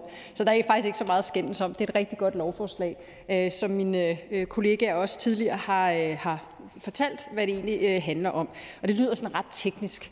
Men helt grundlæggende set, så har jeg altid, jeg er skolelærer uddannelse. Jeg har arbejdet mange år i den danske folkeskole. Jeg har altid undret mig over, at man ikke øh, i langt højere grad anerkendte og satte pris på de rigtig mange forskellige kompetencer, der sidder i sådan en skoleklasse.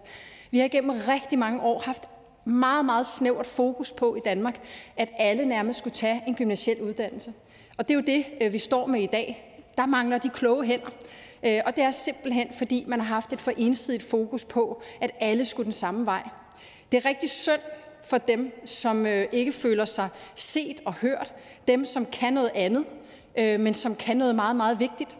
Øh, og det er sådan set også øh, derfor, at jeg synes, at det her det er et skridt i den rigtige retning. I Dansk Folkeparti der vil vi rigtig gerne have, at flere de tager en erhvervsuddannelse.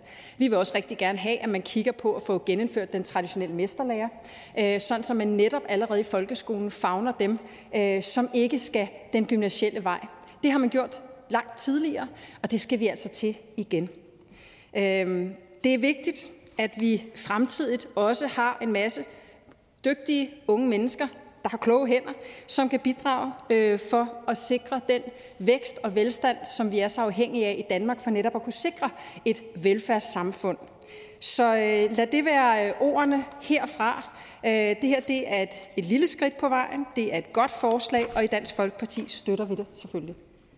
Det er ordføreren for ordførtalen. Der er ikke nogen korte bemærkninger. Og så skal vi sige velkommen til undervisningsministeren. Og han er endda også børne- og undervisningsminister. Værsgo. Tak.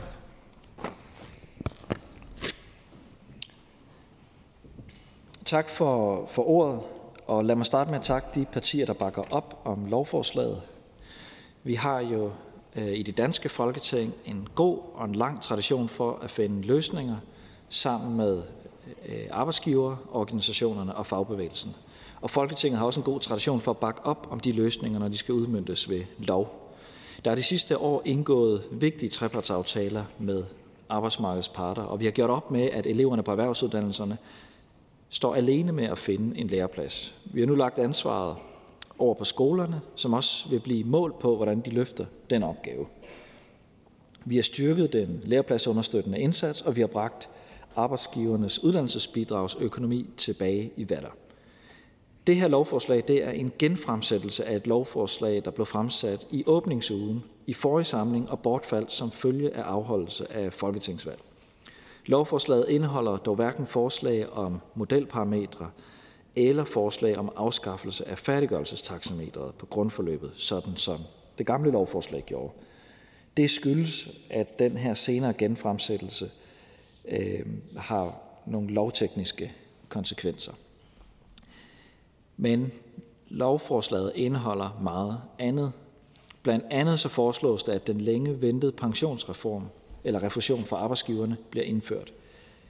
Det er et element fra trepartsaftalen fra maj 2020, altså for næsten tre år siden, og jeg er glad for, at der er bred opbakning blandt parterne bag aftalen til den foreslåede udmyndning.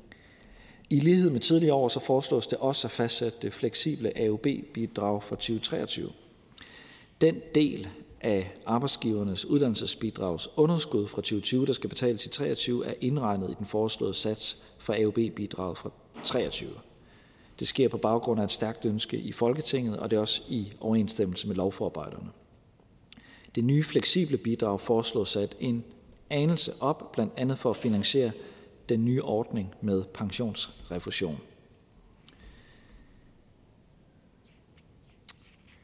Men som noget nyt i forhold til det lovforslag, der blev fremsat tidligere, så fordeles forhøjelsen på andet, tredje og fjerde kvartal i år, altså på de tre kvartaler, der ligger efter det foreslåede i krafttrædelsestidspunkt 1. april. Fordelingen på kvartaler skyldes, at vi har en sen fremsættelse af lovforslaget, og altså lovteknisk begrundet. Det vil i praksis ikke have den store betydning for arbejdsgiverne på årsbasis. Lovforslaget vil desuden indebære, at det aktivitetsuafhængige VEU-bidrag videreføres. Princippet, der oprindeligt havde historisk ophæng i nogle tidsbegrænsede trepartsaftaler, sikrer balance i VEU's øh, økonomi over tid. Princippet udmyndter Rigsrevisionens og statsrevisorernes anbefalinger på området, og de anbefalinger indeholder ikke nogen tidsbegrænsning. Som minister må jeg også betragte det her princip som permanent øh, og ikke som midlertidigt trepartstof, hvis jeg skal forvalte i overensstemmelse med anbefalingerne fra statsrevisorerne. De er som bekendt udpeget af partier, der repræsenterer et flertal her i Folketinget. I lighed med tidligere år så foreslås det altså at fastsætte det aktivitetsafhængige VEU-bidrag for 23, og det foreslås, at det sættes ned. De to begunstigende forslag i lovforslaget, altså den foreslåede ordning med pensionsrefusion og den foreslåede nedsættelse af VEU-bidraget, foreslås at få virkning fra 1. januar i 23, altså med tilbagevirkende kraft. Samlet set virker lovgivning om AUB ofte temmelig teknisk, og det er det sådan set også. Men hele ordningen er en central motor, der understøtter, at elev søger erhvervsuddannelser, og at virksomheder opretter lærepladser. Flere faglærte er også en af regeringens vigtigste prioriteter, og med den her pensionsordning så udvider vi AUB med endnu et element, der understøtter det mål, og derfor er lovforslaget vigtigt, og jeg er derfor også rigtig glad for den brede politiske opbakning og ser frem til den kommende udvalgsbehandling. Tak for Tak til børne- og undervisningsministeren. Der er ingen korte bemærkninger. Og da der ikke er flere, der har bedt om ordet, så er forhandlingen sluttet. Jeg foreslår, at lovforslaget henvises til børne- og undervisningsudvalget. Hvis ingen indsigelse betragter dette som vedtaget. Det er vedtaget. Det næste punkt på dagsordenen er punkt 3. Første behandling af lovforslag nummer L 44. Forslag til lov om ændring af lov om institutioner for almen gymnasiale uddannelser og almen voksenuddannelser med videre. Af børne- og undervisningsministeren. Og først skal vi sige velkommen til Socialdemokratiets ordfører. Værsgo, fru Sara Emil Boring. Tak for ordet. Værsgo. Tilbage i 2014 blev Europaskolen dannet, blandt andet med det henblik at lave flere internationale uddannelsespladser i hovedstaden. Det er denne EU-gymnasieuddannelse, som dette lovforslag omhandler. Skolen har siden begyndelsen været og er stadig administreret af Sankt Anne Gymnasie. Ideen var oprindeligt at opnå en særlig synergieffekt i administrationen mellem Europaskolen og Sankt Anne Gymnasie, både pædagogisk og indholdsmæssigt. I 2018 flytter Europaskolen fysisk lokalitet til en ny og topmoderne skolebygning i Carlsberg Bykvarteret i København, hvorfra gymnasieafdelingen i de seneste tre år har fungeret. Denne fysiske adskillelse fra Sankt Anne Gymnasie har medført, at skolens opbygning, indhold, deltagergruppe, økonomi og styring i praksis fungerer hver for sig, som det også fremgår af høringssvaret fra Københavns Kommune. I Socialdemokratiet ser vi med afsæt i skolens ønske og hvordan det fungerer i praksis god grund til at gøre Europaskolen til en selvstændig institution. Vi skal selvfølgelig være opmærksom på, at denne administrative ændring ikke kommer til at betyde en skævvridning i elevtilstrømningen. En bekymring, som jo også Danske Gymnasier har rejst i deres høringssvar. Det vil vi holde øje med, for det er jo ikke hensigten, at med dette lovforslag så gør det sværere at drive Sankt Anne Gymnasie. Med disse kommentarer støtter Socialdemokratiet lovforslaget, og derudover så skulle jeg hilse fra Radikale Venstre, at der de ligeledes bakker op om lovforslaget. Tak til fru Emil Boring. Der er ikke nogen korte bemærkninger. Og så skal vi sige velkommen til fru Annie Mathisen igen, og det er Venstres ordfører. Værsgo. Tak for det.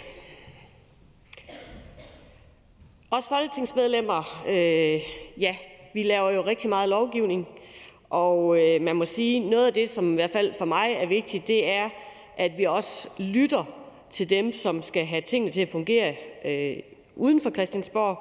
Og derfor så øh, bakker vi naturligvis også op om lovforslaget, som vi behandler nu her. Det er faktisk sådan, at øh, i sin tid havde man håbet på, at både Europaskolen og Sankt Anne Gymnasium kunne komme til at fungere sammen på samme matrikel.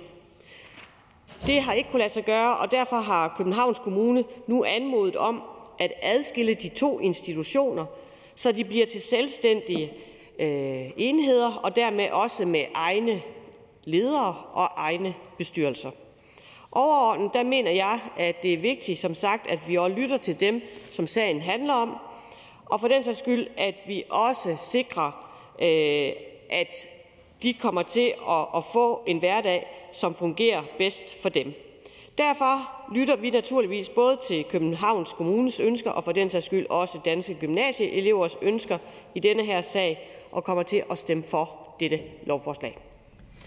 Tak til Venstres ordfører. Der er ikke nogen korte bemærkninger. Og så er det velkommen til Moderaterne. Det er hr. Jakob Rasmus Lund Nielsen. Værsgo. Tak. Det her lovforslag foreslår nogle enkelte justeringer af de institutionelle rammer for Europaskolen. Lovforslaget vil indebære, at Københavns Kommune får mulighed for organisatorisk at adskille Europaskolen fra Sankt Anne Gymnasium. Og derved bliver Europaskolen en særskilt kommunal institution i kommunen. Og som følge af det foreslås det samtidig ud fra et hensyn til styringen af kapaciteten på de gymnasiale ungdomsuddannelser, at børne- og undervisningsministeren efter høring af Københavns Kommune kan fastlægge, fastlægge et kapacitetsloft for Europaskolens sidste tre klassetrin. Moderaterne støtter forslaget, da vi har forståelse for, at Københavns Kommune ser en, øh, at det ikke rigtig giver mening med den her organisatoriske tilknytning mellem Europaskolen og Sankt Anna Gymnasium øh, med en fælles ledelse og bestyrelse, da de to skoler er endt med ikke alligevel at være lokaliseret det samme sted. Det giver derfor mening at mødekomme Københavns Kommunes ønske om at kunne udspalte Europaskolen og give den en selvstændig bestyrelse og ledelse. Tak for ordet. Tak for ordførertalen. Der er ikke nogen korte bemærkninger. Og så skal vi sige velkommen til SF's ordfører. Værsgo, fru Astrid Karø. Tak for det. Ja, mm, den her omgang kan måske også godt gå hen og blive en lille smule øh, kedeligt, og vi alle sammen gentager hinanden. Men øhm, først og fremmest så øh, synes vi, at Europaskolen er et rigtig fint tiltag i SF. Vi vil gerne have, at børn har mulighed for uddannelse, selvom de skal bo her i Danmark, fordi deres forældre for eksempel arbejder her. Og når vi så kan notere, at Københavns Kommune ønsker organisatorisk at adskille Europaskolen fra Sankt Anne Gymnasium, fordi de alligevel ikke deler matrikel, og ikke kommer til at have så stort samarbejde med dem, øh, så tænker vi, det er rigtig fint, og der er ikke engang nogen, der, øh, der har noget særlig kritik af det, så vi bakker selvfølgelig op. Og jeg skulle hilse fra Alternativet og Enhedslisten og sige, at det gør de også. Tak for den anbefaling, og tak også til dig. Der er ikke flere korte bemærkninger, og så skal vi sige velkommen til fru Karina Adspil igen fra Danmarksdemokraterne. Værsgo. Tak for det. I 2013 vedtog Folketinget, at Københavns Kommune kunne oprette og drive en europaskole i tilknytning til Sankt Anna Gymnasium. Med forslaget her så foreslås det at give Københavns Kommune mulighed for organisatorisk at adskille Europaskolen fra Sankt Anna Gymnasium, hvorved øh, Europaskolen bliver en særskilt kommunal institution. Herudover foreslås ud fra et hensyn til styring at kapaciteten på de øvrige gymnasier, øh, ja, jeg starter lige herfra. Fra. Herudover foreslås det ud fra et hensyn til styring af kapaciteten på de øvrige gymnasiale øh, ungdomsuddannelser, at børne- og undervisningsministeren efter høring af Københavns Kommune kan fastlægge et kapacitetsloft for Europaskolens gymnasiedel. Øh, årsagen til, at man ønsker at adskille de to skoler organisatorisk, er, at det oprindeligt var planen, at Europaskolen og Sankt Anna Gymnasium skulle ligge i Carlsbergbyen. Planerne de blev så opgivet i 2015, og det er alene Europaskolen, der er flyttet til Carlsbergbyen. Og det betyder, at der ikke er mange tværgående problemstillinger, ligesom de forventede faglige og administrative synergier ikke er til stede og budgetterne holdes også adskilt. Alligevel har de to skoler en fælles ledelse og bestyrelse, og Københavns Kommune ønsker at adskille de to skoler organisatorisk, så de får hver sin selvstændige bestyrelse og ledelse. Og ønsket her det kommer også på baggrund af henvendelser fra skolerne selv. Og det kan vi i Danmarks Demokraterne godt bakke op om. Tak for ordførertalen. Der er ingen korte bemærkninger. Så tak til fru Karina Adsbøl. Og så skal vi se velkommen igen til LA's ordfører. Værsgo, hr. Henrik Dahl. Værsgo. Tak for ordet. Uh,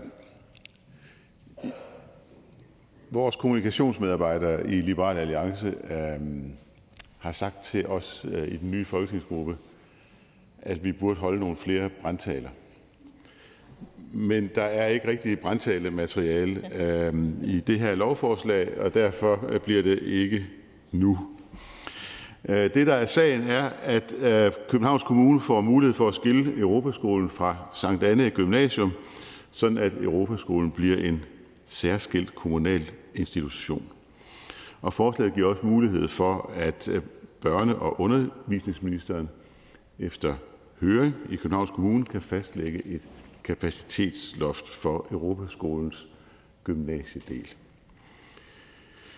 Principielt så mener vi, at kapacitetsloft er et instrument, man skal bruge i tyndt befolkede områder for at opretholde gymnasiestrukturen, og at det ikke er lige så påtrængende at bruge det øh, for eksempel i Storkøbenhavn.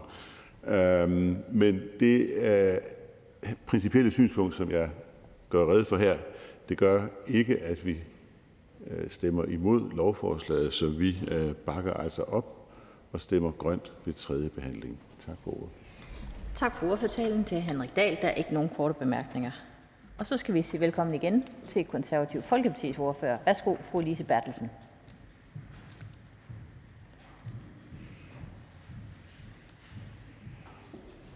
Værsgo. Tak for det. Ja, det er virkelig svært at øh, finde på noget nyt øh, omkring øh, L44.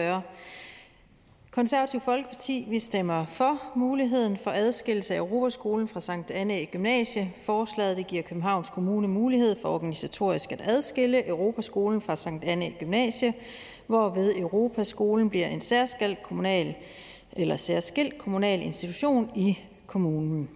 Forslaget det har faktisk været længe undervejs, en 3-4 år, tror jeg, og har opbakning i vores politiske bagland i Københavns Kommune, og vi efterkommer ønsket både fra danske gymnasier og kommunen, og derfor bakker vi op. Tak for ordet. Selv tak. Tak til fru Lise Bertelsen. Der er ikke nogen korte bemærkninger. Og så er der blevet hilst fra Enhedslisten og Radikale Venstre, så derfor vil jeg gerne sige velkommen til hr. Alex Arnsen fra Dansk Folkeparti. Værsgo. Tak, formand. Dansk Folkeparti er varme og stærke tilhængere af fri- og privatskoler. Og vi er også tilhængere af, at disse fri- og privatskoler kan drive internationale linjer og internationale skoler.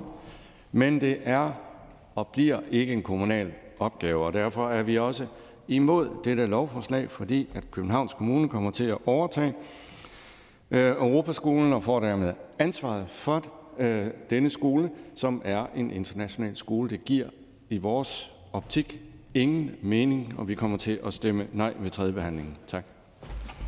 Tak for ordfortalen. Der er ikke nogen korte bemærkninger. Så er det ministerens tur. Værsgo til børne- og undervisningsministeren.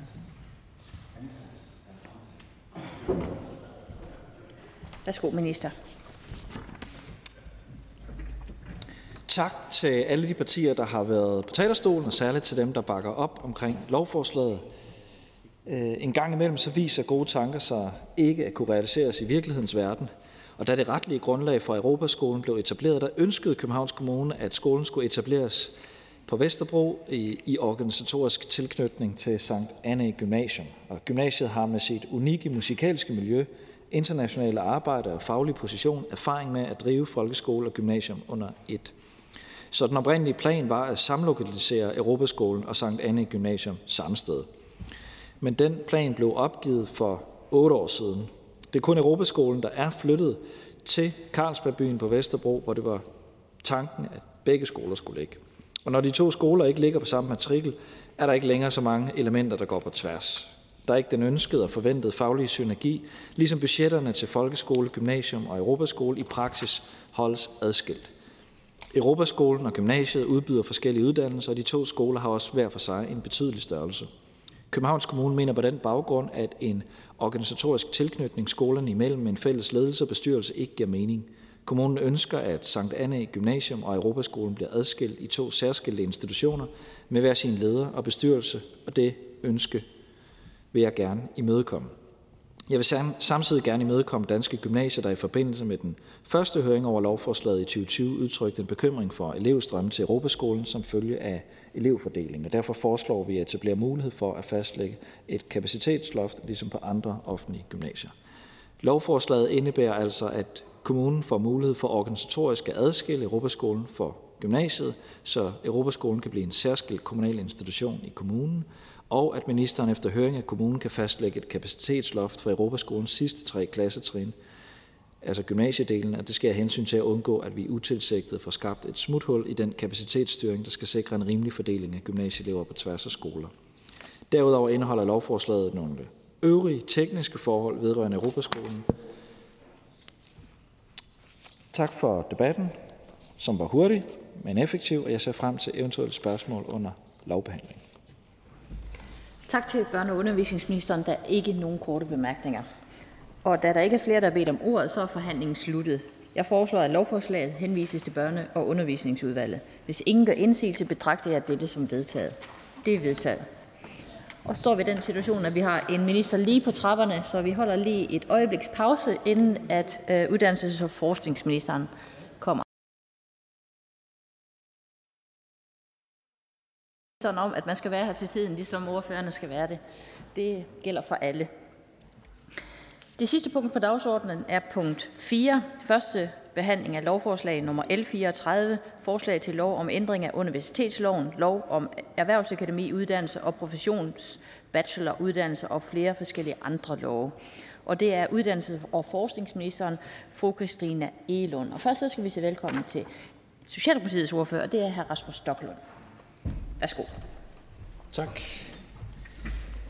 Det primære formål med det lovforslag, vi nu skal behandle, er at hæve beløbsgrænsen for den erkendelighed, som studerende kan modtage i forbindelse med deres praktikforløb, hvis de går på en videregående uddannelse. Konkret betyder det, at erkendeligheden hæves fra 3.000 kroner til 3.375 kroner om måneden, og det svarer til en regulering fra 2017-niveau til 2023-niveau med satsreguleringsprocenten. Samtidig foreslås det, at beløbsgrænsen fremover reguleres årligt efter satsreguleringsprocenten, ligesom det er tilfældet med SU-satserne.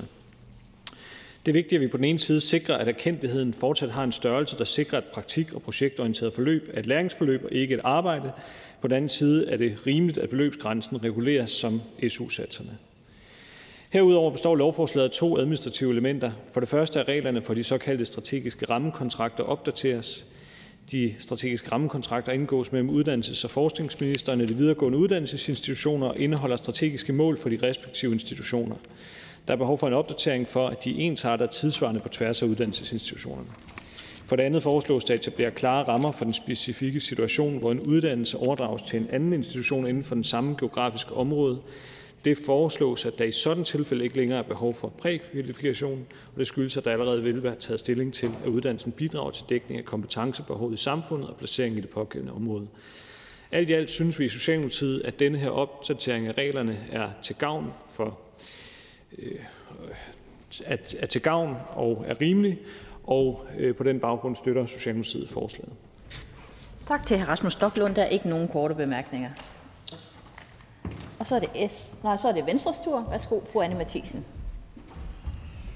Tak for det. Og jeg skal måske indlede med at sige, at øh, Venstres ordfører på det her område øh, er udrejst, og derfor jeg har jeg lov at holde talen på vegne af Peter Jul Jensen. Med dette lovforslag der hæver vi grænsen for det beløb, som en arbejdsgiver kan betænke en studerende øh, med under ulønnet praktikophold. Erkendeligheden foreslås hævet fra 3.000 kroner til 3.375 kroner om måneden.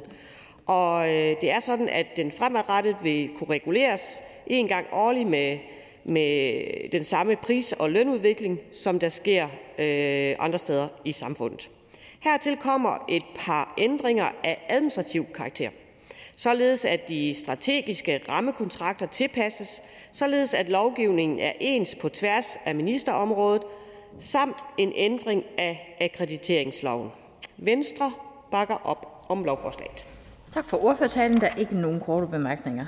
Og så er det velkommen til fru Karin Liltorp, og det er fra Moderaterne. Værsgo. Tak. Tak for ordet. Jeg kommer jo desværre nok til at gentage de to øh, foregående ordfører. Øh, og jeg kan jo fortælle, at den ene del af lovforslaget den handler om erkendelighed. Og erkendelighed det er arbejdsgiverens mulighed for at belønne den studerende lidt ekstra for den indsats, de studerende gør på den givende arbejdskraft under, øh, plads under studierne. Og det skal jo ikke forveksles, forveksles med billig arbejdskraft, men en måde at vise på, at man værdsætter den studerende, der ved siden af modtager sin SU. Muligheden for at belønne den studerende var det oprindelige formål med at indføre loven, og det er selvfølgelig stadig formålet. Og det er kun naturligt, at beløbet justeres i forhold til pengens værdi, som har ændret sig siden loven trådte i kraft. Den anden del af lovforslaget omhandler administrative emner, blandt andet overdragelse af en eksisterende uddannelse til en anden uddannelsesinstitution inden for samme om, geografisk område. Med en ny lov kan denne overdragelse ske uden prækvalifikation, da denne kvalificering allerede har fundet sted.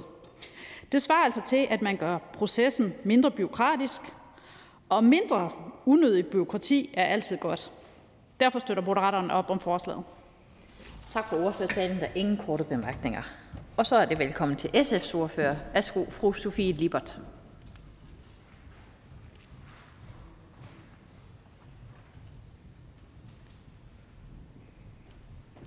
Værsgo, ordet er dit. Tak for ordet. Som det allerede er nævnt, så handler det her lovforslag blandt andet på at øh, regulere i øh, loftet for den erkendelighed, man kan give. Øh, og det var netop også SF med Jakob Mark og Jonas Dahl i spidsen, der i 2016 fremsatte et beslutningsforslag, der skulle gøre det muligt at modtage løn under SU-berettiget praktikforløb. Det resulterede senere i, at muligheden for, at virksomheder kunne give den her erkendelighed, blev vedtaget ved lov.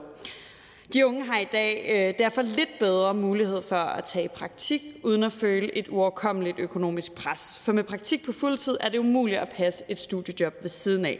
De studerende er i forvejen rigeligt presset. Men 3.000 kroner har ikke den samme økonomiske værdi i dag, som det var tilfældet i 2017. Det sidste år er et af de bedste eksempler på, hvorfor erkendeligheden den bør reguleres. Derfor øh, hilser vi i SF det her forslag meget velkommen og støtter forslaget, og jeg skulle desuden hilse fra min kollega fra Enhedslisten, Victoria Velasquez, der desværre er forhindret i at være til stede i dag, og sige, at Enhedslisten også støtter lovforslaget. Tak for ordet. Tak til fru Sofie Libert for ordførertalen. Der er ingen korte bemærkninger, og så skal vi sige velkommen til hr. Jens Tulsendal, Jens Henrik Tulsendal fra Danmarksdemokraterne. Værsgo, vi skal have alle navnene med. Ja. ja, tak. Tak for det. Ja, der er jo gjort red for de her små, tre små ændringer, der er i det her lovforslag, så jeg skal ikke bruge så frygtelig meget tid på det. Bortset fra at sige, at øh, vi bakker sådan set op om, at man kan give støtte til de studerende, og det er rigtig godt, når studerende kommer ud i gode praktikker og får en rigtig god forløb. Det, der er lidt bemærkelsesværdigt ved den her, det er jo, at det er en erkendelighed. Det er en erkendelighed, der ikke må forveksles med løn. Det er noget, der ikke må være forventeligt. Det må ikke være aftalt på forhånd. Det skal komme som en overraskelse for den studerende hver gang sidst på måneden, at nu synes arbejdsgiveren, at vedkommende øh, har gjort en god praktikindsats, og derfor så får man en belønning. Så, så det er jo ikke, fordi det på den måde kan tage pres fra nogen, fordi det må ikke være noget, man kan forvente, når man kommer ud. Øh, det er så heller ikke noget, vi kan forvente vil ske på offentlige arbejdspladser. Jeg kan dårligt se den øh, afdeling ude i ældreplejen for eksempel, hvor der er sygeplejersker i praktik, at man så giver dem en erkendelighed. Jeg kunne forestille mig, at de andre kolleger, der var derude, ville kigge mærkeligt på den studerende og tænke, hvorfor er det ikke os, der får erkendeligheden? Så på den led, så er det sådan lidt en, en, en bagvendt ting. Men, men øh, nu er det her, og vi skal ikke stå til hindring for, at øh, de studerende, der kan være så heldige at have en arbejdsgiver, der synes, at de har mulighed og råd til at give en erkendelighed, at de ikke kan gøre det. Så det skal de selvfølgelig have lov til, og derfor skal de også have lov til at sætte ydelsen op. Tak for ordet. Tak for ordførtalen. Der er ingen korte bemærkninger. Og så er det LA's tur, og det er fru Sandra Elisabeth Skalvig, som vi gerne vil byde velkommen til.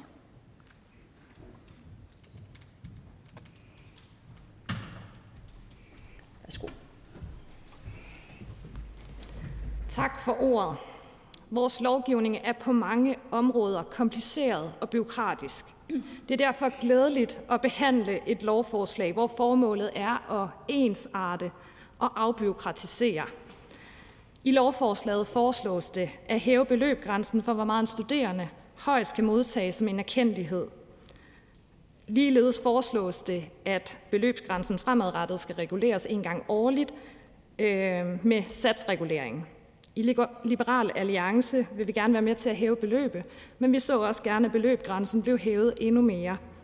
For vi mener, at det i højere grad skal være op til enten virksomhederne eller praktikstederne at bestemme, hvor høj en erkendelighed de studerende skal have. Ligeledes foreslås det i lovforslaget, at betegnelsen strategisk rammekontrakt øh, indarbejdes i en række af institutionslovene for de selvejede uddannelsesinstitutioner.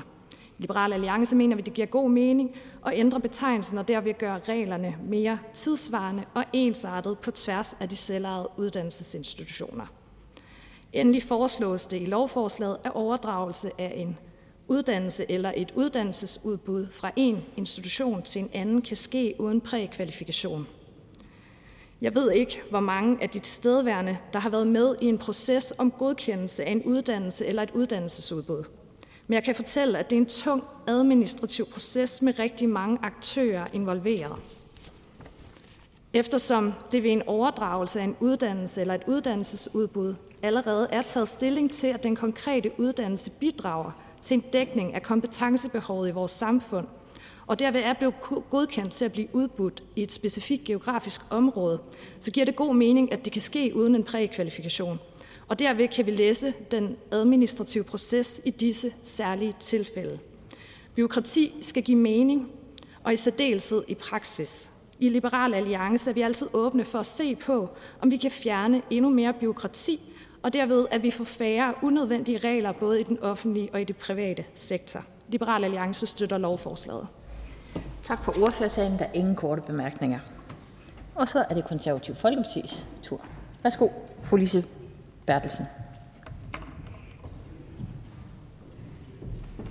Tak for ordet. Værsgo. Øh, det konservative Folkeparti støtter op om lovforslaget forslaget om at hæve beløbsgrænsen øh, for en studerendes erkendelighed fra 3.000 til 3.375 kroner per måned, og at det fremadrettede øh, beløb justeres i takt med almindelig pris- og lønudvikling i vores samfund. Ligeledes støtter vi også op om at harmonisere bestemmelserne i lovgivningen for de selvejende institutioner på Uddannelses- og Forskningsministeriets område, samt at gøre det muligt øh, for uddannelsesinstitutioner at overdrage en godkendt uddannelse til en anden uddannelsesinstitution i det samme geografiske område uden prækvalifikation. Så det sociale, eller slutter det konservative øh, Folkeparti er for lovforslaget. Forslaget. Tak for ordet. Tak for det. Der er ikke sådan en skiftning på vej her. okay. Der er ikke nogen korte bemærkninger til konservativ Folkepartis ordfører. Og så skal vi sige velkommen til Radikale Venstres ordfører. Det er fru Katrine Ropsø. Værsgo. Tak for det. For at gøre det kort, Radikale Venstre øh, synes også, at lovforslaget er rigtig fint. Det giver god mening, at vi sørger for, at den beløbet, man kan rent faktisk få udbetalt, når man er i ulønnet praktik, også følger med den pris- og lønudvikling, vi har i samfundet. Det giver derfor god mening at få den opjusteret, og at den samtidig også derefter rent faktisk følger med den udvikling, vi har i samfundet. Derudover så er der det her i forhold til altså flytning af øh, uddannelser. Det er rigtig fint. Vi vil også meget gerne være med til at sørge for, at der er så lidt byråkrati som overhovedet muligt omkring det.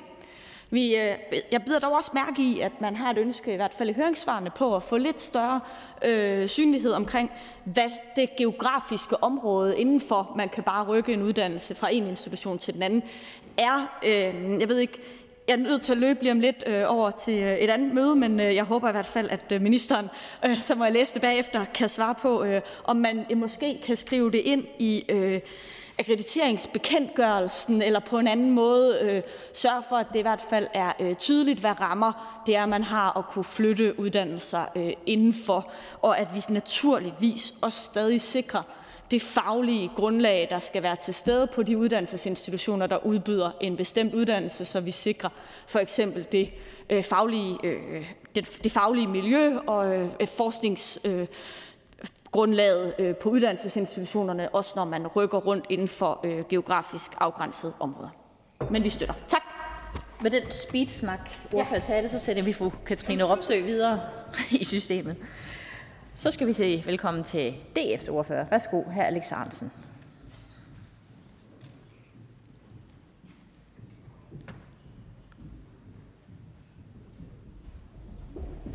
Værsgo. DF's ordfører. Tak.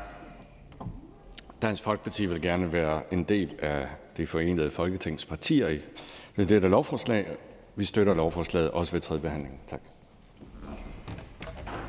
Tak for ordførtalen, selvom der var kort. Der er ikke nogen korte bemærkninger. Og så vil vi gerne sige velkommen til ministeren, uddannelses- og forskningsministeren.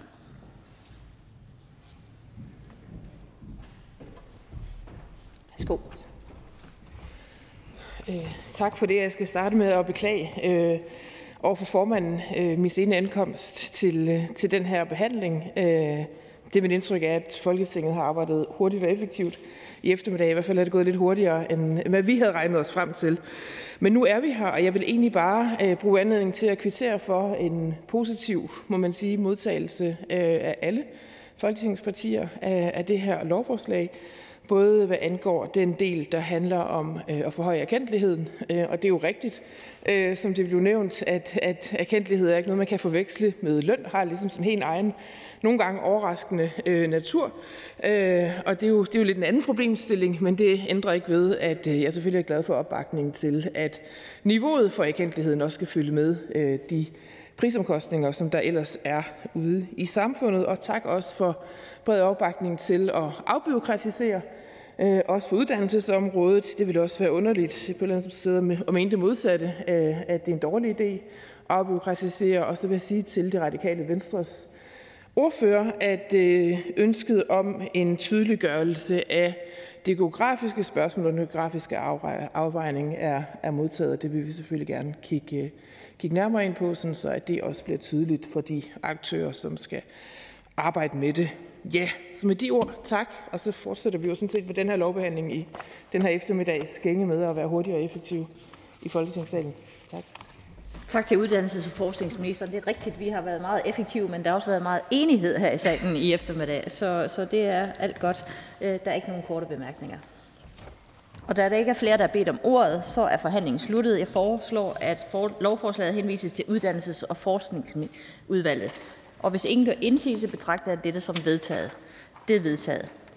Da der ikke er mere at foretage i dette møde, Folketingets næste møde afholdes i morgen torsdag den 23. februar 2023 kl. 10.